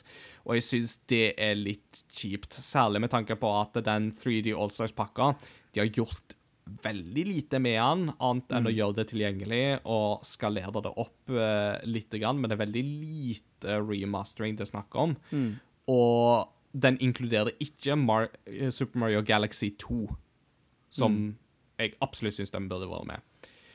Den inkluderer jo heller ikke 3D World, men Super Mario 3D World kommer som en um, remastered, egen remastered til Switch i februar 2021 med ekstra innhold. Og det tror jeg kan bli veldig gøy, for det er et kjempebra Mario-spill som absolutt bør spilles. Eh, Og det er jo gøy å spille med flere òg, så Ja, ja, ja. kan anbefales varmt. Um, så litt i forhold til den der uh, Allstars-pakka, så har jeg skrevet en kommentar om det på Game Reactor, der jeg uh, syns at Nintendo er noen grådige pelser. Uh, så les gjerne den. Jeg Det gjør meg vondt å være kritisk, ikke minst med tanke på at jeg har forhåndsbestilt denne saken sjøl, så jeg er ikke noe bedre enn Ja, jeg går akkurat på limpinnen, men jeg protesterer høylytt på at jeg går på limpinnen. Jeg syns jo jeg bare, Kan vi bare kort snakke litt om det? For jeg sy, det, altså, er det noen som har gjort dette før og sagt at hei, nå kommer det et spill, og du kan kun kjøpe det i et halvt år? Og spesielt ikke på den skalaen med også en ting som fans har skreket etter i årevis. En ordentlig remake av spesielt Mario 64. Det har blitt re-releasa på Virtual Console. Du fikk jo DS-versjonen, men som noen skrev i Discord, at eh, krampa sitter fremdeles i tommelen etter 15 år av å spille det med en D-pad. Altså, Mm. det er det, det, De har ingen grunn til å gjøre det sånn. Jeg, jeg forstår det ikke. Og jeg har ikke Det- lest kommentaren din enda, Ingar. Men eh, Du har sikkert sagt noe om det, men jeg bare det jeg spør nå hva, Mm. Kan du? ha Det noen gode grunner? eneste grunnen til at jeg ser at de gjør det, er fordi at de vil at folk skal kjøpe det til full pris. Uh, men mm. jeg kommer ikke på noen andre eksempler på at dette er gjort digitalt. Altså, et fysisk limited edition, det har vi jo sett før, og er for så vidt en del av gamet. Men den digitale, som de kjører her? Nei, det har jeg ikke vært borti. Men det er jo en del av gamet for typ sånn limited run og uh, disse tingene her som gir ut indie-spill i et begrensa format. For ja, det har ikke så brei appell, kanskje. Men Ja, Eh, ma- men altså- igjen, de er, de er fysiske. hva sa du? Men de er fysiske, Ja. disse limited run-greiene. Ja, ja, ja, det er det jeg mener. De, de blir ikke trukket digitalt. Men eh, ja, det, er bare, det gir ikke noe mening. Og Nintendo er jo gode på ting som ikke gir mening. Eh, og de har råd til å gjøre feil. Det er ikke det.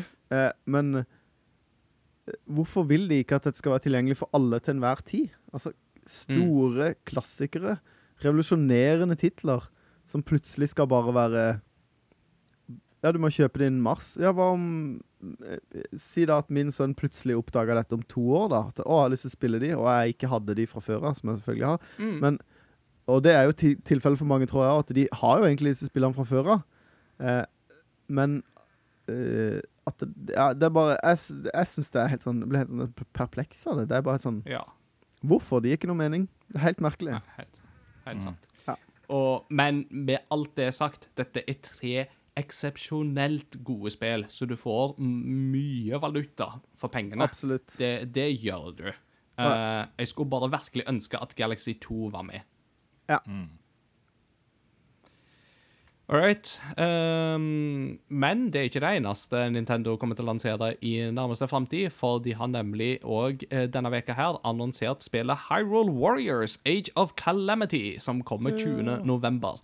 Som da er et nytt Warriors-spill, uh, også kjent som Muso. ehm, som da er basically én guy som springer rundt på slagmarken og denger løs på 2000 fiender, som om de er Holdt på å si maur?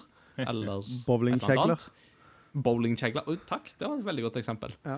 Uh, og det har jo tidligere kommet spill som Hyrule Warriors og um, Final Fire Emblem Warriors har jo kommet. Eh, men det som er gøy nå, er at Fire, uh, oh, Hyrule Warriors Age of Calamity forteller historien før Breath of the Wild. Altså 100 år før, og kampen mot Calamity Ganon. Som jo fører til at eh, Link uh, blir uh, kasta i søvn og alt sånt. eh, og våkner jo i Breath of the Wild, så er jo det 100 år etter at Calamity Ganon angrep. Så nå skal vi få faktisk den forhistorien eh, i et eh, Warriors-format. Og jeg må si, jeg eh, tror det kan bli veldig, veldig bra. Jeg tror det kan bli en god match. Ja. Eh, helt motsatt. Jeg syns at Warriors-spillerne er kjedelige. Det er repetitivt. Jeg syns ikke det gameplay appellerer ikke i det fjerneste for meg. Så jeg er litt sånn irritert over at hvis jeg vil ha den storyen, så må jeg spille et spill som jeg ikke syns er gøy. Eller se det på Eh, YouTube. Det, ja, det er ikke det, det, er ikke det samme. Jeg, jeg, jeg spilte Hyrule Warriors og, Warriors, og jeg syns at det var fryktelig kjedelig. Jeg blir veldig fort lei av å slåss mot horde og på horde på horde. Og ikke på en sånn derre eh, Jeg syns det er kjempegøy i liksom Tower Defense-spill eller eh, Ja, kanskje det eneste eksempelet jeg kommer på. Jeg syns Tower Defense er veldig gøy, men det er ikke på en måte en sta- Jeg opplever det ikke som en slags sånn strategisk posisjonering. og Det er mer bare liksom Oi, nå må du løpe der, og nå må du bytte den karakteren. Og her er det masse folk, og så er det bare å meie ned fiender etter fiender. Bowlingkjegler, som Mm. jeg syns det minner om. Det minner om Mm. uh, We Wii Sports, det der 100-kjeglers-gamet. Det, det er det det minner meg om. Ja. Ingar? Jeg, jeg for min del liker godt eh, Warriors-formelen når den er gjort riktig. Um, og særlig Fire Emblem Warriors hadde veldig mye gøy for seg. For gjorde, altså, Det som var gøy der, var at der tok de den Fire Emblem-mekanikken med at våpen er svake mot hverandre og sånt, det såkalte våpentriangelet. Mm. med sånn stein, saks, papirsystem. Det implementerte de veldig bra i Warriors-format.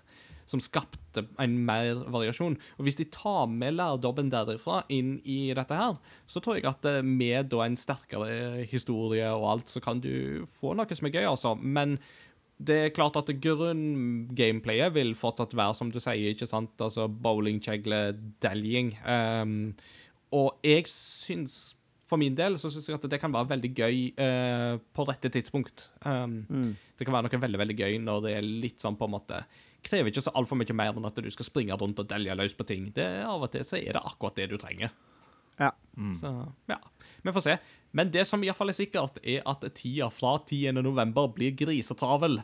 Ja. For nå kommer jo ting som Assassin's Creed Valhalla kommer da, ny Xbox kommer da, Cyberpunk kommer i um, 17. november, og så kommer dette 20. november, og så er det bare sånn at Stopp! Har ikke tid. Men, men. Det er noe sånt.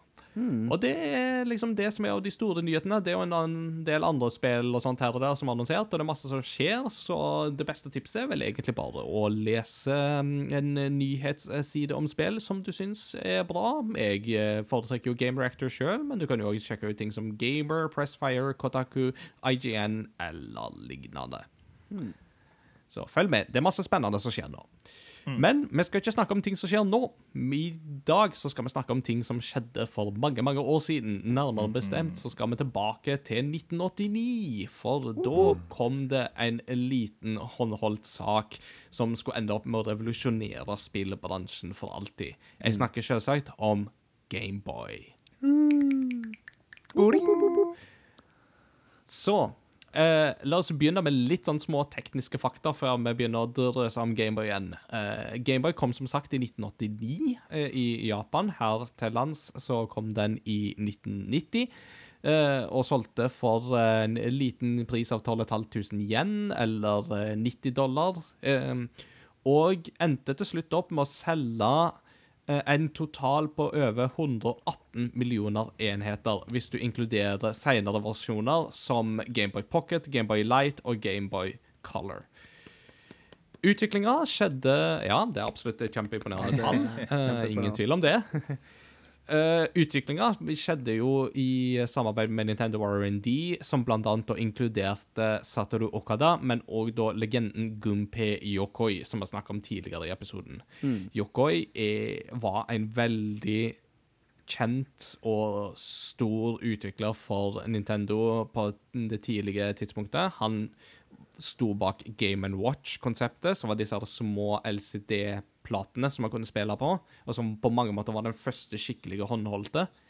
Uh, og uh, han uh, var mannen som tok, hadde patentet på D-paden, altså styrekorset som man fant på Nintendos uh, konsoller back in the day, og fortsatt den dag i dag. Og eh, ikke minst så sto han òg bak dette spillet her, og han hadde en sentral rolle i skapelsen av Metroid-serien. Dessverre så var han òg mannen som eh, trumfa gjennom at Nintendo skulle lage Virtual Boy, og yeah. den konsollen floppa jo. Og etter det så falt han litt i unåde internt hos Nintendo. Han fikk fortsatt lov å jobbe, men han ble ikke satt på noe veldig prestisjetunge ting. Uh, og dessverre så døde Gunpei Yokoi på 90-tallet uh, av um, Hvis jeg ikke husker helt feil, så ble han påkjørt av mm, en bil. Um, og døde døde som følge av det i 1997. Og faktisk så er det litt av grunnen til at uh, Nintendo vokter som hauker over Shigeru Miyamoto. Så han, når han skal ha plasser, så kjører de han. Og det er alltid liksom med sjåfører og alt dette. Det er liksom sånn, Han- Vi har ikke råd til å miste deg òg. Han sykla til jobb helt fram til det skjedde. Ja. Riktig. riktig. Eh, han, etter at han eh, var ferdig i Nintendo, for han, slutta eller ble pressa ut, så gikk Mm. han ut til Bandai og lagde Wonderswan, som er en konsoll som ikke kom Riktig. til eh, Vesten, men som var en ganske stor greie i Japan, og hadde et ganske tett samarbeid med Square Enix, eksempel. Det var der de første Mm. re-releasene av Final Fantasy 1, 2 3 kom, blant annet. Yeah. Jeg Mm. en Wonders One og Final Fantasy liggende, faktisk, som jeg har plukka opp i Japan. Ja, kult. Så jeg, har, det- eh, det- jeg har ikke gått dit enda, men eh, det, jeg føler det er en språkbarriere der, så jeg tror du har en fordel med at du klarer å tolke deg, iallfall gjennom noen av spillerne. Det har jo ikke jeg sjanse til. Nei, nei, det er mest for samleverdiens skyld, vet du. Ja. Eh, så, eh, litt sånn tekniske ting. På Gameboy så var det jo en eh, maskin der du kunne bytte ut kassetter, som jo var ganske revolusjonerende i sin tid. Eh, og det originale kodenavnet for Gameboy var jo da Dot Matrix Game, som refererte til det såkalte Dot Matrix-displayet som eh, man hadde på skjermen. eh, som de liksom videre brukte fra Game Watch. Og det er jo derfor det står liksom sånn Det står jo fortsatt Dot Matrix på øverst på Gameboy-skjermen. Og alle Gameboy-kassetter har også koden DMC, som da er liksom dot Nei, DMG er det vel? Ja, DMG for liksom Dot Matrix Game. game. Eh, så det er en sånn greie som på en måte hengt videre med. Et av kjerneelementene ved Gameboy var jo det at eh, den var ikke teknisk sett veldig imponerende da den kom. Det var på en måte mange måter utdaterte komponenter og sånt som ble brukt. Den hadde jo ikke fargeskjerm, eksempel, som både Atari Lynx og Sega Game Gear kunne skimte med. Men takket være at den brukte såpass enkle komponenter som den brukte, så kunne de selge den til en veldig billig penge, og ikke minst så hadde Gameboy en fabelaktig batterikapasitet som ingen av konkurrentene kunne skimte med, med dobbel A-batterier. Du hadde fire dobbel A-batterier i, og en Gameboy med fire dobbel A-batterier kunne jo vare i mangfoldige timer, i motsetning til f.eks. da senere Game Gear, som var mer imponerende teknisk sett, men som slukte seks dobbel A-batterier på et par timer. Eh, og er du kid, så har du ikke lyst til å mase på foreldrene dine om batterier hele tida, for det blir for dyrt, og så Ja. Så det var noen av de tekniske elementene rundt eh, Gameboy, og da er jo spørsmålet Hva er deres minner til Gameboy? Jeg må bare skyte inn én ting først. En av Ja. hovedgrunnene til at Nintendo ble så stor Nei, Gameboy ble så stor suksess som det ble, var jo fordi at Gameboy ble solgt sammen med Tetris. Ja, Mm. riktig. Mm. Og der kommer vi jo inn på et minne som mange har med Gameboy. Ja. Og det skal, Jeg bare føler vi må ta et spørsmål i redaksjonen. Hvor mange her hadde original Gameboy? For det hadde ikke jeg.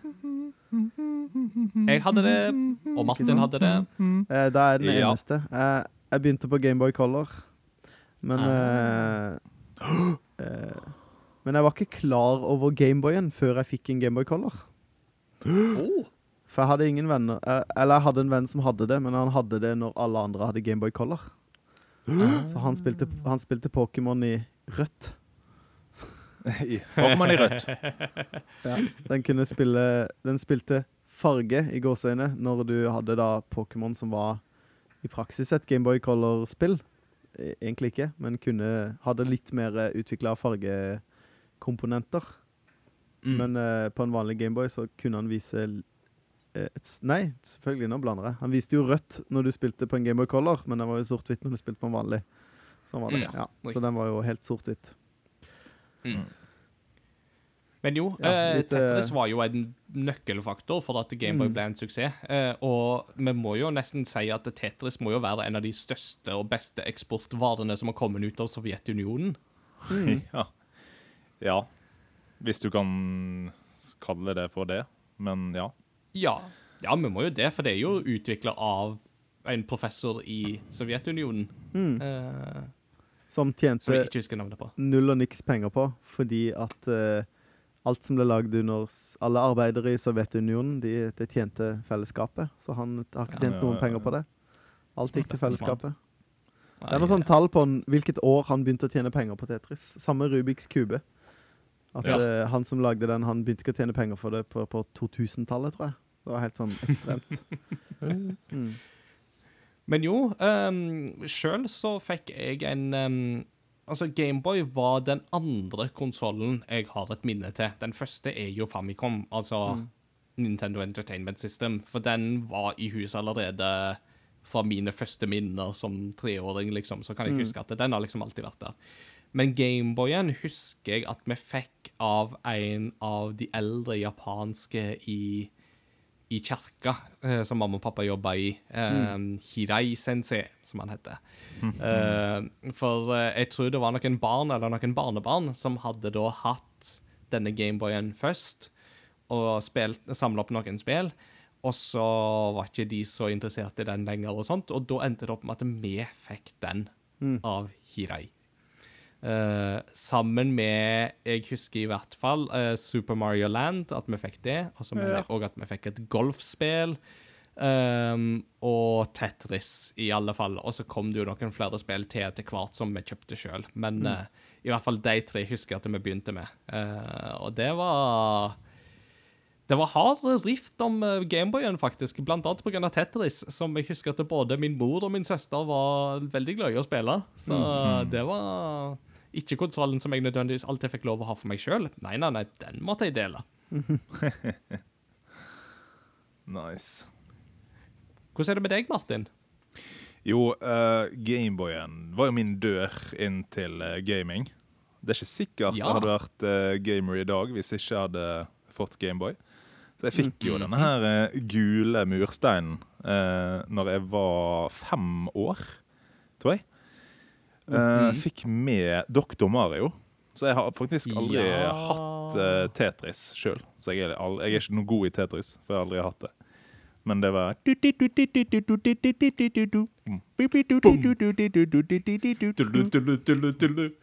Ja, det, Verdens ja, beste det var jo eh, ja, ja, ja, ja. Det var på en måte monolyd ut, men hvis du plugga inn eh, headsetet, så fikk du stereo. Så det pleide jeg å gjøre, da. Mm. Eh, Da var det faktisk god lyd. Mm. Eh. Overraskende god lyd i Gameboy. Ja. Um, og så fikk jeg en sånn samlepakke av Jeg tror det var noen som hadde kjøpt eh, brukt onkelen min, eller Vi har alle en eller annen onkel og tante som har kjøpt spill, liksom. Um, Jeg er den onkelen, skal jeg si Yes. Jeg, Jeg er den onkelen til syv. Det er life goal for meg sjøl her òg. Men det var, da fikk jeg så sykt vanskelige spill. Det var sånn eh, et Spiderman-spill som var liksom helt umulig. Kom jeg ikke videre fra første nivå. Og eh, nå har jo jeg vært litt sånn treig i hodet generelt, da. Men eh, akkurat eh, den var sykt vanskelig. Et Batman-spill som òg var umulig å, å runde. Um, husker ikke akkurat hva det het, men jeg husker òg Alleyway. Som var sånn oh, der, det eh. Breakout. Ja, Det var, det var liksom Ja, det var ikke noe musikk, Ja, eller. Det var Mm. bare Ja, det husker jeg. Og em, Jo, Super Mario Land. Det var litt sånn der em, Jeg hadde jo sett bilder av Mario, så var det på en måte Super Mario Land virka litt mindre. Det var litt sånne mindre bokser og soppen. Det var litt, sånn der, det var litt rart når jeg ser tilbake på Mm. det. Mm, Men, det er eh, veldig rart. Det første Super Mario Land det er veldig veldig rart å gå tilbake til med disse pyramidene i bakgrunnen. og sånt. Men musikken er jo konge, da. Ja, Og Super Mario Land Og Super Mario Land var jo òg der de introduserte prinsesse Daisy, uh, i motsetning til prinsesse Peach. Uh, Ja. The Princess of Saharasaland. Uh, Jeg tror faktisk både Alleyway og Super Mario Land var launch titles med Tetris. Men ja. Eh, Super Mario Land er jo det første mm, Mario-spillet som Shigeru Miyamoto ikke var med å lage. ja. mm. Det tror jeg, tror jeg var Gunpei Yokoi som var med å, på å lage, men uh, det er en grunn til at det er så annerledes Ja. Mm. eh, enn alle de andre. Har, ser helt annerledes ut, at det, var helt andre folk som lagde det. Og eh, det var ikke noe sånn etablert Mario-law på den tida. Det var litt sånn OK, Mario, vi gjør Her skal vi ha sopper og Men vi kan godt ta med svingser og pyramider og det, Mm. En ting som er veldig merkbart der, er jo f.eks. at fireball, altså den flammekula, den spretter i rette linjer. Ja. Den spretter ikke bortover bakken som en sprettball, men den spretter liksom helt rette linjer. Eh, men den musikken der er helt fantastisk. ja. Blim, Blim, blim, blim, blim.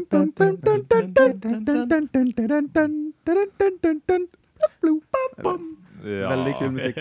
Ja. Det er fantastisk. Så jeg hadde liksom sånn- eh, et sånn knippe med spill, da. Men jeg husker liksom første sånn jeg ble skikkelig bergtatt, det var når jeg var med en kompis på hyttetur. Han hadde med sin Gameboy med Pokémon Red. Oh. Ja Og det er jo der eh, Gameboy kommer inn for veldig, veldig mange. Mm. Ja. Og eh, jeg var jo sånn derre Å, kan jeg prøve? Og eh, spilte jo da hele natten, så han sovna. Og eh, så var det sånn eh, Hans foreldre vi var på hytte til, da. Og så skulle, de, så skulle vi på skitur dagen etterpå. Men jeg var bare sånn Å, jeg, jeg er så syk, jeg må ligge i sengen. så tok den liksom og fikk spille Gameboy på dagen òg. Så det var så bra. Men så fikk jeg låne det, da. Takk, Karl Ivar, hvis eh, du hører på en eller annen gang. Eh, Karl Ivar. eh, så fikk jeg låne det. Um, og jeg bare kjørte bare Charizard rundt i gresset i mange, mange timer. Eh, så jeg hadde én overpowered Charizard som ikke hørte på det jeg sa. Og så i eh, eh, Vermilion City er det vel um, Lieutenant Sarge um, har gym. Mm. Så jeg husker jeg gikk inn på datamaskinen der og klarte å slette min eneste Charizard. Jeg, jeg, jeg, jeg visste jo ikke hva Jeg visste ikke hva eh, Jeg visste ikke hva, hva betyr liksom det her, liksom. Og så hadde jeg bare en metapod som kunne harden. Så det, det jeg gjorde det, Så det jeg gjorde, var jo å gå i gresset eh, og wipe hele tiden til Metapod hadde gått tom for PP på Harden, sånn at han kunne bruke sånn der eh, rage som han tok Mm. liv av. Så jeg fikk liksom endelig, etter mange dager, fikk jeg en butterfree, liksom. Mm. Uh, Du, du ga deg liksom ikke begynt på nytt. Du bare OK, jeg mista Charizarden min. Ja vel. La oss fortsette. Så det, var sånn, det var the grind. Og eh, altså de der eh, Team. Rocket-husene Jeg Vet ikke hvor mange det er helt timer jeg brukte for å løse de gåtene der, liksom. Martin, jeg tror vi akkurat nå bare har etablert en gang for alle du er Crossover Gamings Pokémon Master Yes! without a doubt. Jeg har jobba for det. det de, du har jobba for det the hard way. I wanna be the very best. You are the very jo- best. I, em, I Japan så kjøpte jeg jo på bruktmarkedet en uh, Gameboy Advance SP med yellow på japansk. Så da klarte jeg jo å runde det fordi jeg visste når de lærer forskjellige angrep, og klarer å bytte ut med riktig og sånn her, da. Sånn at uh, I know it. I know it in my head. Nice, nice, nice. Smart, smart, smart. Mhm. Um, ja, altså Pokémon er jo selvsagt kanskje den suksessen utenom Tetris som folk flest har et forhold til på, Mm. på Gameboy. Um, og, som jo, og det er jo veldig interessant, for Pokémon kom jo veldig seint i Gameboyens tidsløp. Altså Gameboy var egentlig utfasa, men Nintendo valgte likevel å gi det go, fordi at uh, det var litt sånn Vi har ikke noe å tape på å lansere det til Gameboy. Eh, og langt på vei så var jo Pokémon med på å sørge for at Gameboyen fikk et forlenga livsløp. Eh, vel å merke da med at de kom jo med Gameboy Color etter hvert som var en oppgradert utgave som kunne vise farger. Og noen Gameboy-spill som da kom senere, fungerte kun på Gameboy Color. Eh, men de aller, aller fleste spill var likevel sånn at de kunne fungere på en vanlig gammel Gameboy òg, bare at da fikk du de i svart-hvitt. Eh, Mens um, ja, altså alt i alt så var på en måte Pokémon med på å sørge for at eh, Gameboyen levde utrolig lenge. Det var jo først fram til Gameboy Advance kom i 2001 at den endelig fikk en arvtaker som var på en måte en ny generasjon på det håndholdte nivået der. Så det vil si at uh, Gameboy levde egentlig i tolv år, hvis du teller med Gameboy Color og eh, Gameboy Light og andre sånne utgaver fram til Gameboy Advance. Ja. Skulle bare fortsette på det jeg teaser tidligere i episoden, med den musikken som vekker mest emotions i meg, er jo Pallet Town.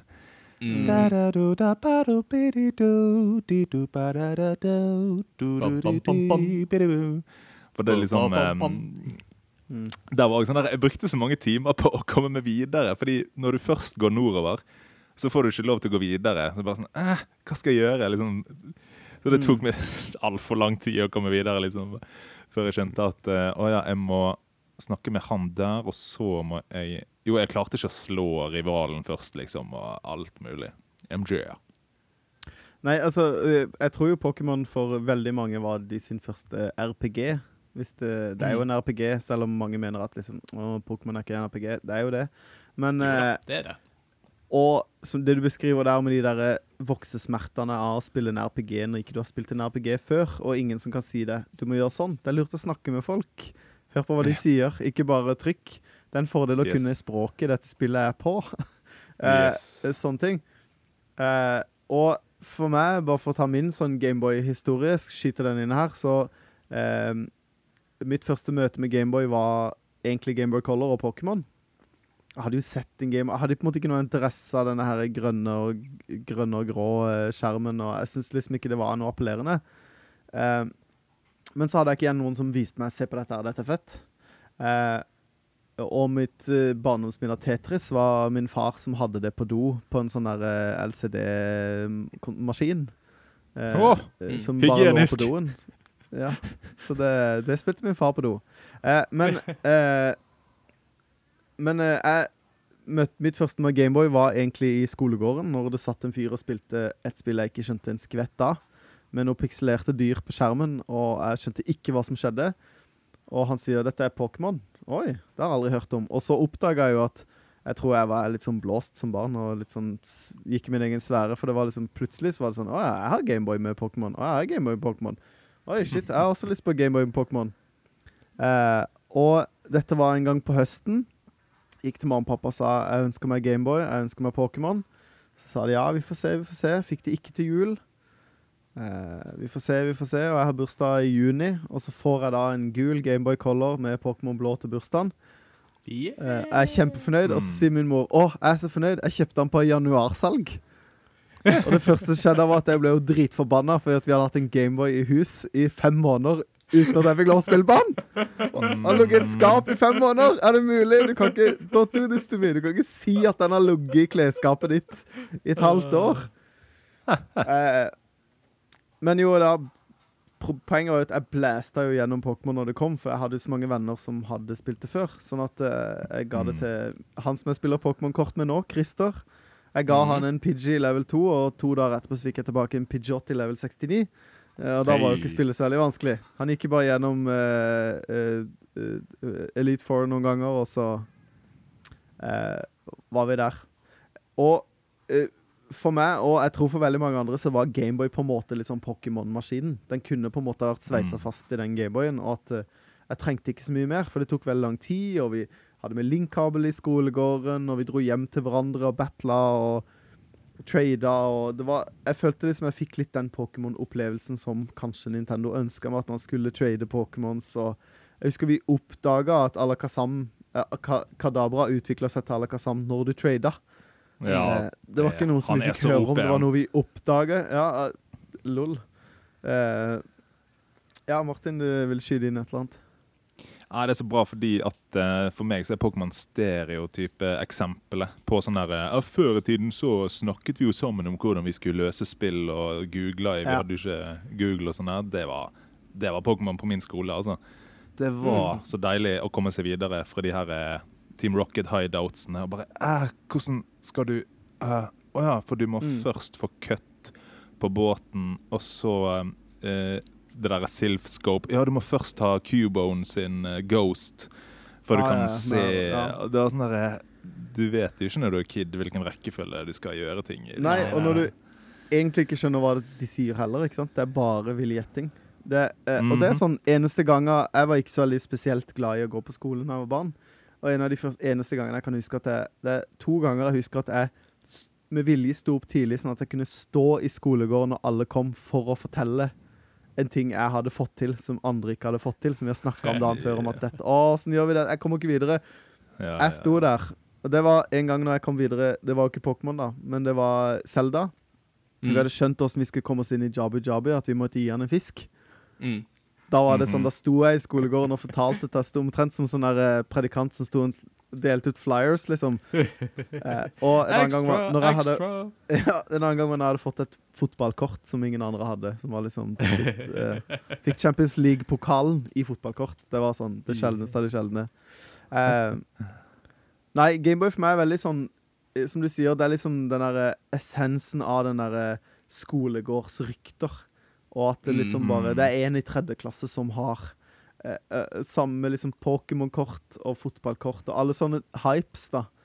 Eh, Ja. At liksom å bli og, at det, der, eh, det var alltid en eller annen kid som hadde noe som alle ville ha, eller visste noe som folk ville vite, og alle ryktene du hørte om at eh, liksom du kan få Mew hvis du går sånn og sånn, og eh, Missing No og Altså alle disse her eh, ryktene som på en måte føler jeg var virkelig sånn Dette er kjernetida for de der ville skolegårdsryktene, iallfall for vår generasjon, da.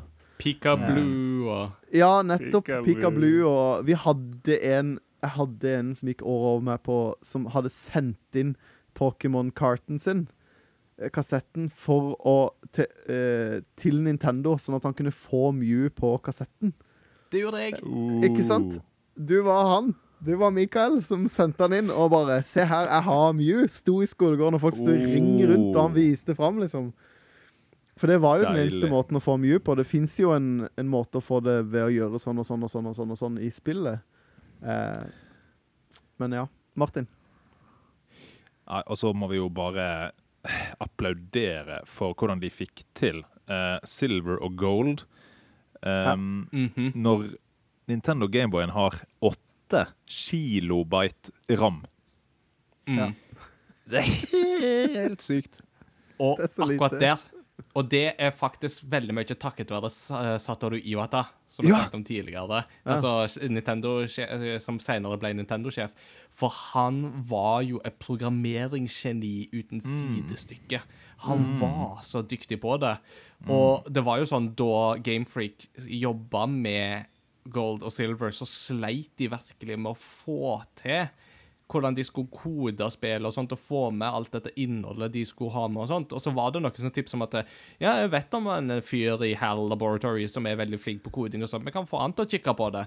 Og så var det Iwata som bare sånn ja, kikka på det, og så bare sånn her Ja, ja, nei, dette skal vi få til, og ja, og hvis dere vil, så kan vi ta og slenge inn i hele den verdenen fra det gamle spillet òg, hvis dere vil Ja, det. sånn at da får du liksom psycho. Og det var bare sånn Who is this guy? Og når jeg, når jeg det- oppdaga det For jeg Ja. var seint ute på rød og blå, men jeg var steintidlig ute på gull og sølv.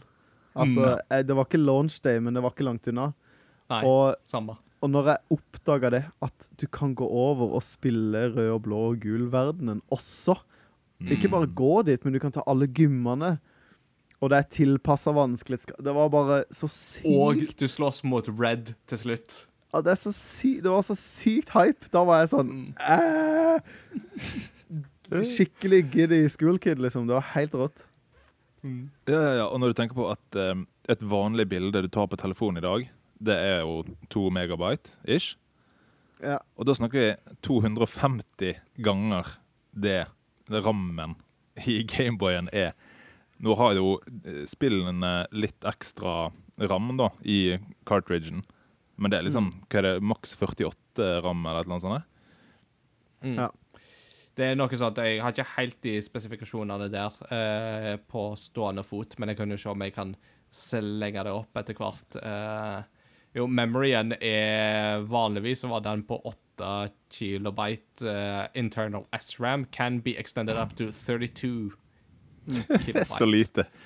Det er så Det er jo Ja, det er veldig lite. Men så fikk du jo etter hvert, liksom på eh, rom og sånt, så fikk du jo liksom litt mer med Ja. Det, um, folk som er interessert i det, kan sikkert lese seg opp på det på Wikipedia. Eh, jeg burde forberedt den biten litt bedre, men det er nå så. Uh, ja, men opp Nei, jeg, jeg har en, eh, en annen eh, ganske sånn sterkt Gameboy-minne eh, fra barndommen. Og jeg Mhm. var, jeg var veldig veldig tidlig ute på Gameboy Advance. Jeg er den første som jeg kjente som hadde den, og det varte ganske Mm. lenge også. Eh, Men jeg var så tidlig ute at, eh, at når jeg kjøpte den, så var det jo ikke et eneste Gameboy Advance-spill å oppdrive. Så jeg kjøpte Ah. Gameboy Advance, men de første månedene det eneste jeg kunne spille, var jo de gamle Gameboy-spillene mine. Og det føltes veldig teit, fordi at de stakk jo så langt opp. Og det var jo eh, Det var gøy å kunne spille eh, Da syns jeg jo det var stas å kunne spille Gameboy-spill i widescreen. Det har jeg jo innsett i ettertid at er jo en fadese å, eh, å gjøre sånn. Jeg ville jo aldri gjort det i dag, men det var veldig stas.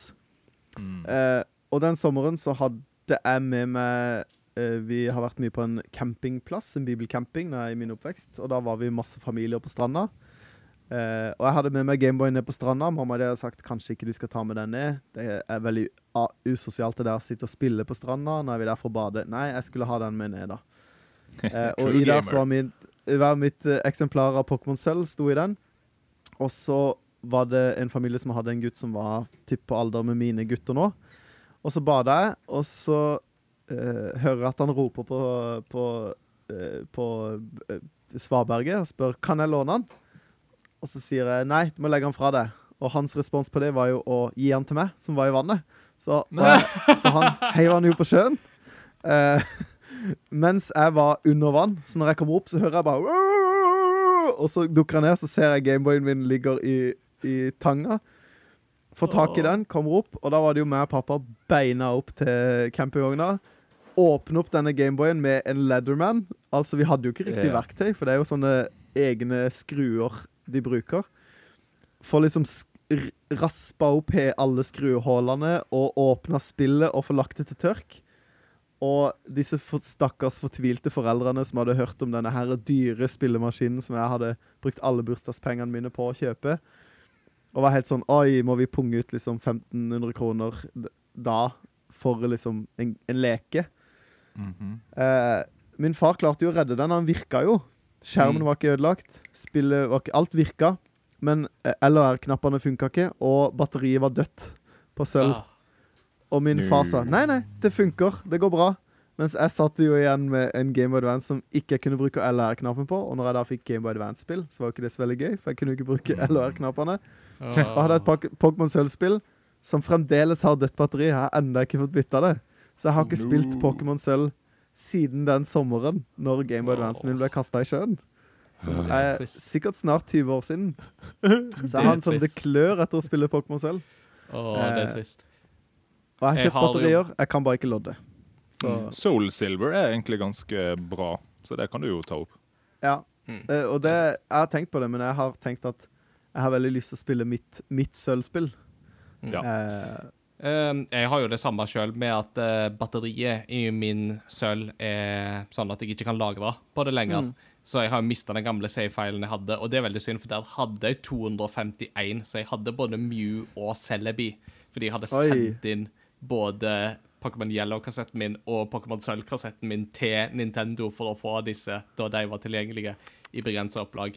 Åh, Men en annen ting som jeg også må skyte inn før Martin får ordet, er jo dette som du snakker om, hvor robust teknologien er. Eh, for det er jo et eh, kjent eh, eksemplar av en Gameboy som en amerikansk soldat hadde med seg til Kuwait, eller til Irak, og som overlevde sånn bombing av eh, område. Så den har jo blitt liksom sånn ganske kullsvidd og brunsvart rundt kantene og sånt. Men den fungerer fortsatt og kan spille spillene. Og den står jo da på display på Nintendo-butikken i New York. Så kan du se den som fortsatt er oppe og går. Og da er det Martin først. Right. Er det noen av dere andre som har en eh, Graveler level 100, en Kadabra level 100 eller en Haunter level 100, som alle var i håp om å utvikle seg, eller? jeg hadde iallfall um, Det var min silver story. At jeg hadde jo sett på um, an, uh, tegneserien. Eller, og på Pokémon-kort. Å, Gollum! Å, kul Pokémon og Gollum. Sånn steinansikt og ser skummel ut. Og så bare hadde jeg en Graveler som jeg fikk tidlig. Bare, yes, nå skal jeg få en Gollum. Så jeg liksom en max level Graveler som jeg aldri fikk utviklet. Jeg skjønte ikke I didn't know how. Det jeg skulle si var Jeg har jo sett denne Gameboyen i levende live i New York, som du snakka Ja. om. Eh, og eh, ikke for å selge ned den her, men en ting jeg ble skuffa over når jeg leste på den her som står ved siden av, er at Gameboyen funker, men knappene funker ikke, så du kan ikke spille på den. Men skjermen virker. Så da ble jeg litt sånn ah, Det er kult for det òg, men det er ikke akkurat like kult, for den er Altså, den ser ut som noen har dyppa den i en vulkan, den, den Mm. Gameboyen. Altså, plastikken er helt svart, og det ser ut som en eh, litt sånn svidd marshmallow. Mm. Sånn ser han ut. Just. Ja, riktig. En brent marshmallow. Mm. Et par andre gøye ting med Gameboy er jo det at eh, den har vært i verdensrommet. Det var jo en av de første Mm. spillkonsollene som tok turen opp til verdensrommet. Um, Den har vært um, Den har blant annet hatt um, spillere som Hillary Clinton, som uh, har blitt sett uh, sittende på Air Force One da hun var førstedame og sitter og spiller Gameboy. Uh, hun innrømmer sjøl det var Chelsea Clinton sin, så hun måtte av og til stjele den litt, men det, det var Ja. greit. Og fun fact om Gameboyen var det at uh, faktisk så var det en konsoll som hadde nesten 50-50-fordeling i statene når det kom til demografi. Eh, at eh, den var langt mer populær blant det kvinnelige uh, gamersegmentet enn eh, det de stasjonære konsollene var. Eh, Og mye av det hadde kanskje med spill som Tetris å gjøre, men uh, Gameboy var en konsoll som var veldig likt fordelt mellom gutter og jenter uh, på den spillerbasen, og det syns jo eh, vi er ganske tøft. Man må jo bare applaudere Nintendo sin evne til å knuse konkurren altså konkurransen på håndholdte spill. Det, det nærmeste ble vel liksom Sony med PSP etter hvert, liksom. Men altså Ja. Sega, Atari det, det var liksom no chance å konkurrere. Så det er veldig sånn Mm. wow. Og hvordan vel- eh, Mm. Og mye av det hadde jo med pris å gjøre. ikke sant? At de brukte gamle komponenter som pressa ned pris, og at du hadde en batterikapasitet som varte og varte og varte, og varte, som gjorde at Gameboy var langt mer kostnadseffektiv eh, enn det Game Gear og Lynx var, f.eks. Men jeg, jeg føler nummer én der er ikke det, det er software. Og det er det Nintendo vinner på Absolutt. fremdeles den dag i dag. Absolutt. At det er ikke den mest imponerende maskinen, men den har eh, Altså, de lager sjøl noen Mm. av de beste spillene i verden, og det er eh, Og det er fascinerende at et firma som har så annerledes strategi som alle andre til tider, lager så imponerende gode spill som gjør at de fremdeles holdes oppe av det. Mm. mm. Eh, og det syns jeg er veldig kult. Mm. Uh, og i den forbindelse så må vi jo nevne et par titler. Altså, um, Vi har jo allerede nevnt Super Mario Land, men der fikk jo en veldig bra oppfølger. Super Mario Land 2 Six Golden Coins, som var spillet som introduserte Wario. Som jo seinere fikk sin um, Altså, Super Mario Land 3 var jo da Wario Land. Uh, og Wario Land-serien ble jo òg en uh, gjenganger på Game Advance, og så utvikla den seg til WarioWare. Um, så um, Warriors karriere begynte på Gameboy, og det var der den var stor, absolutt. Uh, og vi skal heller ikke glemme Kirby. Kirby begynte Kirby's Dreamland 1 og 2 var kjempegode spill på Gameboy. Uh, og var der han uh, begynte. Og så har vi jo Metroid 2, uh, Samus Returns. var jo òg et veldig bra spill, som fikk en ganske bra 3DS-remake uh, for et par år siden, som kan varmt anbefales. Ja, ja, ja. Og mange bra Donkey Kong-spill. Nå husker ikke jeg om mm -hmm. Donkey Kong Country er port fra SNES, eller om det Jeg spilte det iallfall på Gameboy. Mm, Det er nesten port. Det er, absolutt. Mm. det er en En sånn semiport semiporter. det er et forsøk på å herme etter denne Silicon Graphics-grafikken. Eh, og noen redesigns. Mm. Eh, jeg så nettopp en video av en tidligere anbefaling av meg, eh, 'Punching Weight', med Stopfelk Skeletons from eh, Fighting på eh, YouTube. Som snakker om akkurat den serien der, og eh, Donkey Kong Ports. Eh, men ja, de er veldig gøye. Og Zelda Kjempemasse bra Zelda-spill på Gameboy. Mm. Link's Awakening er jo nå Mhm. blitt den kanskje beste versjonen av spillet, er jo Switch. Men Mm. på Gameboy Color så har du Mhm. Oracle of Seasons, Oracle Oracle of Ages. Uh, ja, det er en bra Link to the Past. Uh, en så å si eh, helt identisk port av Link to Mm. the Past. På Advance, vel å merke. Men det er jo Hvis vi bruker Gameboy-navnet, for jeg vil jo også nevne Ja. da Minish Cap, som også er et veldig veldig bra spill. Og de Ja. siste Altså Oracle-spillene og Minish Cap er jo utvikla av Capcom, Mm. og ikke Nintendo. Mm. Eh, og det, det merker du i kreativiteten, at det er en annen Det er noen andre kreative krefter Mm. eh, som gjør at de blir litt eh, skiller seg litt ut, men på en Mm. positiv måte, da, i Selda Universitet. Mm. Og hvis vi da skal slenge inn uh, Advance, så har jeg òg lyst til å slenge inn spill som Golden Sun, som var noen av mine første Ja. japanske rollespill, og fortsatt er noen av mine soleklare favoritter. Uh, Mm, ja. Og Fire Emblem. Eh, de første Fire Emblem-spill vi fikk her i Vesten, var to på Gameboy Advance. Det kom tre totalt i Japan, men det første kom ikke ut her til lands. Men eh, det som i Japan heter Rikkan og Ken, som bare heter Fire Emblem her, uh, kom ut i 2004, om jeg husker riktig, og var et av mine første møter med taktiske rollespill, og som jeg er kjempeglad i. All right. Uh, er det noen siste ting vi vil slenge inn før vi går videre? Ja, jeg skrev det Jeg prøvde å skrive det inn, men uh, jeg kan jo uh, slenge det inn her òg. Det er jo eh, Super Gameboy og Gameboy Advance, eller Gameboy Player på GameCube, Ja. eh, som eh, eh, i seg sjøl Altså, jeg hadde ikke Super Gameboy, eller kjente noen som hadde Super Gameboy da jeg var barn, men Super Gameboy er et fantastisk eh, en fantastisk kassett å ha til Super Nintendoen. For noen spill har eh, f.eks. det som ofte blir kalt for Donkey Kong 99 eller 93, jeg husker ikke. 94. spill- 94 er det, ja. Det som bare heter Donkey Kong på Gameboy, som er, ikke er Donkey Kong Arkadespill, men som er et sånt puzzle som senere ble Mario og Mario og Donkey Kong. Jeg husker ikke. jeg, Mario det- versus Donkey Kong. Det er det, ja. Som senere utvikla seg til å bli den serien. Det er et fantastisk spill. Men hvis du spiller det på en Super Gameboy, så ser det ut som et eh, 8-bit Nintendo-spill. Det har full farge, eh, fullt fargespekter og eh, f- kule borders og Å, det var en fin Gameboy Advance du viste fram. Eh, eh, Martin. Uh, Martin viser nå- fram Gameboy Advancen med Pokémon Gul. Eh, Yes. Kjempekult. Og det er noen spill som har på en måte spill inni spillet også. For eksempel hvis du spiller Space Invaders til Gameboy.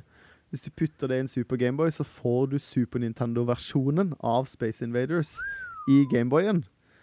Gjennom Gameboyen da, i Gameboy Player. Sånn at det er eh, en del sånn litt ukjente eh, titler som hadde en særegent god Super Gameboy-versjon. Og så har du Gameboy-playeren til Gameboy Advance, nei, GameCuben Mhm. eh, som spilte Game Boy Advance-spill, og som jeg syns jo i dag er en av de beste måtene å spille Gameboy-spill generelt, fordi du kan bruke en god kontroller, og du kan se på TV-en. Eh, Men som kan være en dyr affære å hoppe inn i, hvis ikke du allerede har en. Men det er en, eh, en veldig god Det er jo i praksis en Game Boy Advance som du kobler i, i GameCuben, og det er helt topp. Mm. Så det anbefales. Det syns jeg er de beste måtene å spille de spillene på. Da. Absolutt. Martin, noen siste kommentarer? Kan spille av uh... Nei, så var han tom for batteri. Da får det bli neste Nei, Oh. det var den lyden, vet du.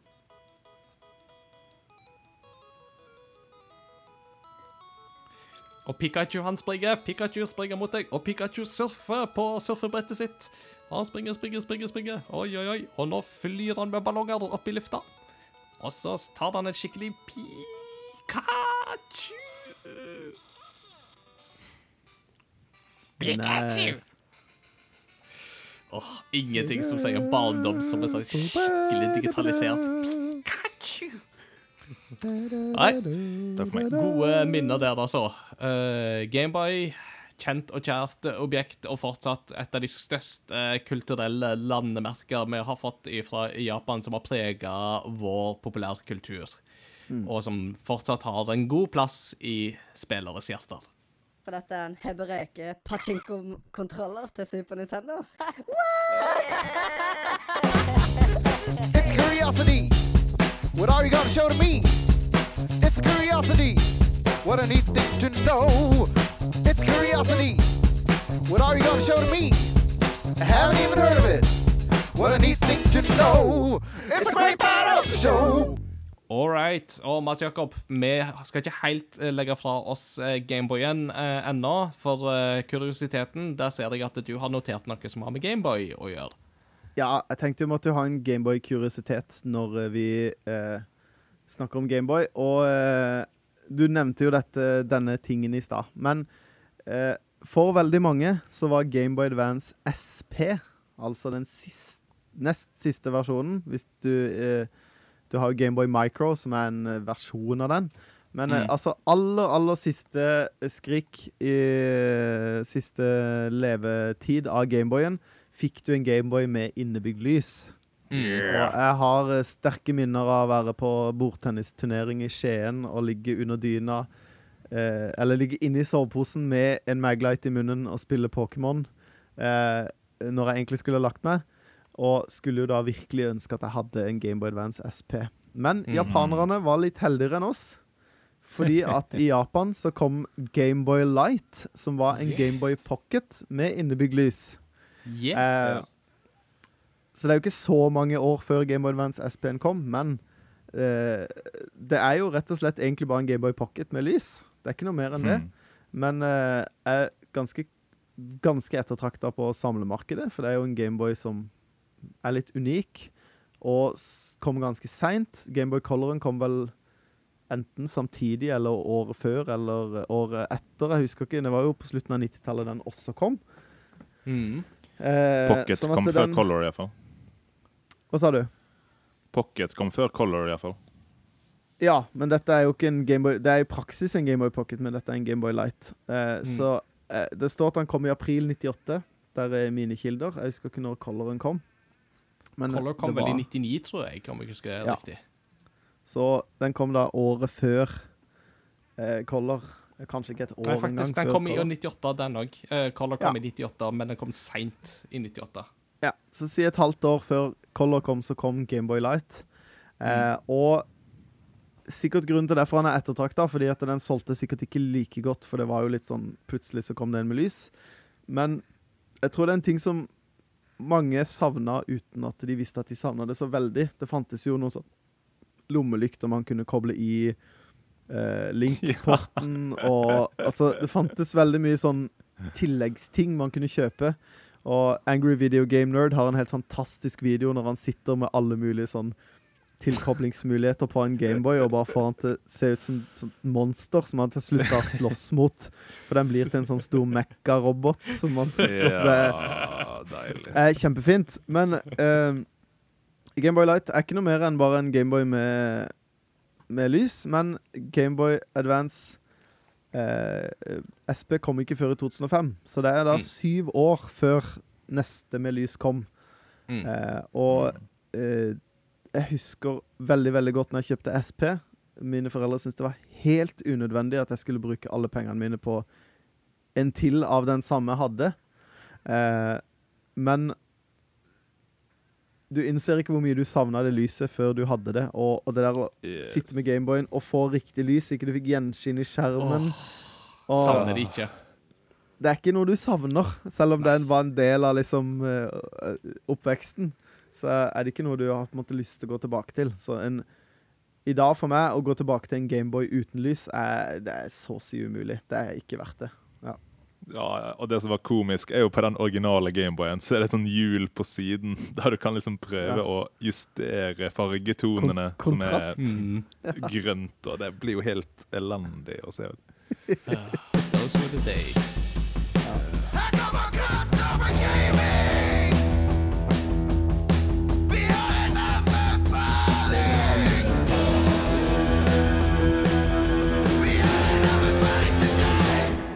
Right, og denne gangen er det da altså Martin som får uh, gi oss en anbefaling. Så Martin, take it away. Yes, jeg uh, vil anbefale to YouTube-kanaler som handler om uh, spillmusikk, faktisk. Ja. Den første heter 8-Bit Music Theory, som eh, gjorde meg obs på Zelda at uh, mange av temaene i Breath of the Wild er liksom henta fra tidligere melodier, gjort på en ny måte. Så det er jo Mm, litt mm, er for uh, eh, music-interesserte. Um, Mm. Men uh, veldig mange kule videoer der. Og så er det en som heter uh, Insane in the Rain Music. Ja Um, han heter Carlos Eiene, som Mm. er en jazzmusiker som eh, spesialiserer seg på å reharmonisere spillmusikk til type Ja, store band og eh, ja, mindre konstellasjoner. Men han har blant annet eh, så har han den, ja, The Jazz Video Game Medley. Mm. der han mesterlig blander temaer fra alle mulige slags spill. Um, så det er egentlig på en måte tre videoer, men så er det én som er på en måte samlet. da. Så det er veldig mye kreativt eh, og fantastisk flinke folk han har fått med seg. Så det anbefales. Absolutt, absolutt. Jeg hadde en drøm en gang om å få til et eller annet med han eh, Carlos. Det hadde vært kjempegøy å intervjue han til Game Reactor, eller tatt opp et intervju og hatt her, eller et eller annet sånt. Så vi får se om mm. det kan bli noe av en gang. Det hadde vært utrolig spennende. Eh, han er så dyktig. Ja. Ja. Virker som en hyggelig fyr òg. Og mm. den 8-bit uh, Music Theory òg-kanalen er så nyttig og så lærerik. Jeg har brukt den masse. Uh, Mm. det er kjempeinteressant. Så jeg stiller meg bak begge anbefalingene. Fett. Mm, Right. Og med det så er det da altså min tur til å komme med et postludium i dag. Um, jeg burde jo ha valgt et Gameboy-relatert eh, musikkstykke. Uh, det ser jeg jo i etterkant. Men uh, vi skal ikke dit. Men vi skal tilbake til gamle Nintendo-dager. Vi skal faktisk tilbake til Nintendo Entertainment System, eller Famicom. Og et av de spillene som jeg vokste opp med der, var jo da Rockman 3, eller Megaman 3, som det heter her til lands. Og vi skal da høre temaet til Eller temaet som du hører på banen til Sparkman, eh, som er en av eh, bossene i det spillet. Og musikken der er da komponert av Yasuaki Fujita og Harumi Fujita. Eh, Megaman 2-musikken er jo kanskje den man hører mest om, men jeg vil si at Megaman 3 har òg noen utrolig gode eh, stykker som er vel verdt oppmerksomheten, blant annet dette her, som er veldig, veldig kult. Og som man f.eks. kan høre i bakgrunnen på Super Smash Bros. Eh, på Megaman-banen der. Ja. Jeg hadde, jeg, hadde en, jeg hadde en lang periode hvor jeg hadde kick på uh, metal-band som spilte Megaman-coveret. For at, uh, det er så mye sånn Iron Maiden-galopp-rock. Dun, dun, dun, dun, dun. Det er så mye av det. Og jeg snek- lytta litt på den her nå. Det er litt sånn samme greia. Ja, Og det er så eh, deilig å høre litt sånn Iron Maiden, eh, power rock, eh, brystklang, metallversjoner av sånne sanger. Det er veldig deilig. Definitivt. Det passer jo veldig godt òg, da. Altså, Megaman 3 kom vel ut i 1990, om jeg ikke husker feil, så da er vi på en måte fortsatt i på en måte toppen av den musikksjangeren sånn uh, albummessig. Eh, Så det passer jo veldig godt eh, med den. Og jeg er definitivt overbevist om at Megaman-musikken har vært en inngangsport for meg til progrock og liksom den type mm. tungrock og metal og sånt. Så at uh, Megaman har vært viktig for det. Mm. All right. Med det så har en lang episode kommet til veis ende, og det gjenstår bare for oss å takke alle sammen for at dere hørte på.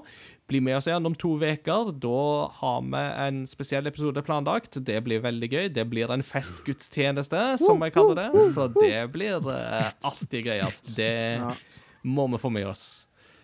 En første festgudstjeneste. Ja, vi har hatt Eh, høymesse og sånt før, men eh, festgudstjeneste, det er noe nytt. Absolutt. Eh, Nå en sånn Cave Rave-episode. Hey! Nei, ikke cave raving. Eller raves i det Velkommen hele tatt. Velkommen til en kullosforgiftende episode. Men så lenge det er en sånn eh, Zelda Cave, så tenker jeg Ja, Zelda Cave er lov, men eh, det er noe annet enn en Rave Cave. Så ja. Hold dere til Zelda Cave, folkens, så holder dere dere friske og driske og lever til dere er 100. Så det så. Vi takker for oss, og igjen eh, tips dine venner og kjente om oss. Sjekk ut eh, nettsida vår, crossovergaming.no, for anmeldelser og lenker til våre sosiale medier. Og Der kan du annet eh, finne deg veien til vår Facebook-side eller vår Discord-server, så bli med der. Blant annet for å snakke om Monkey Island i Retrospellauget på tirsdager. Vi snakkes ved neste korsvei. Ha det bra! Ha det bra! Wakanda forever! Wakanda forever! Forever. Shalabais.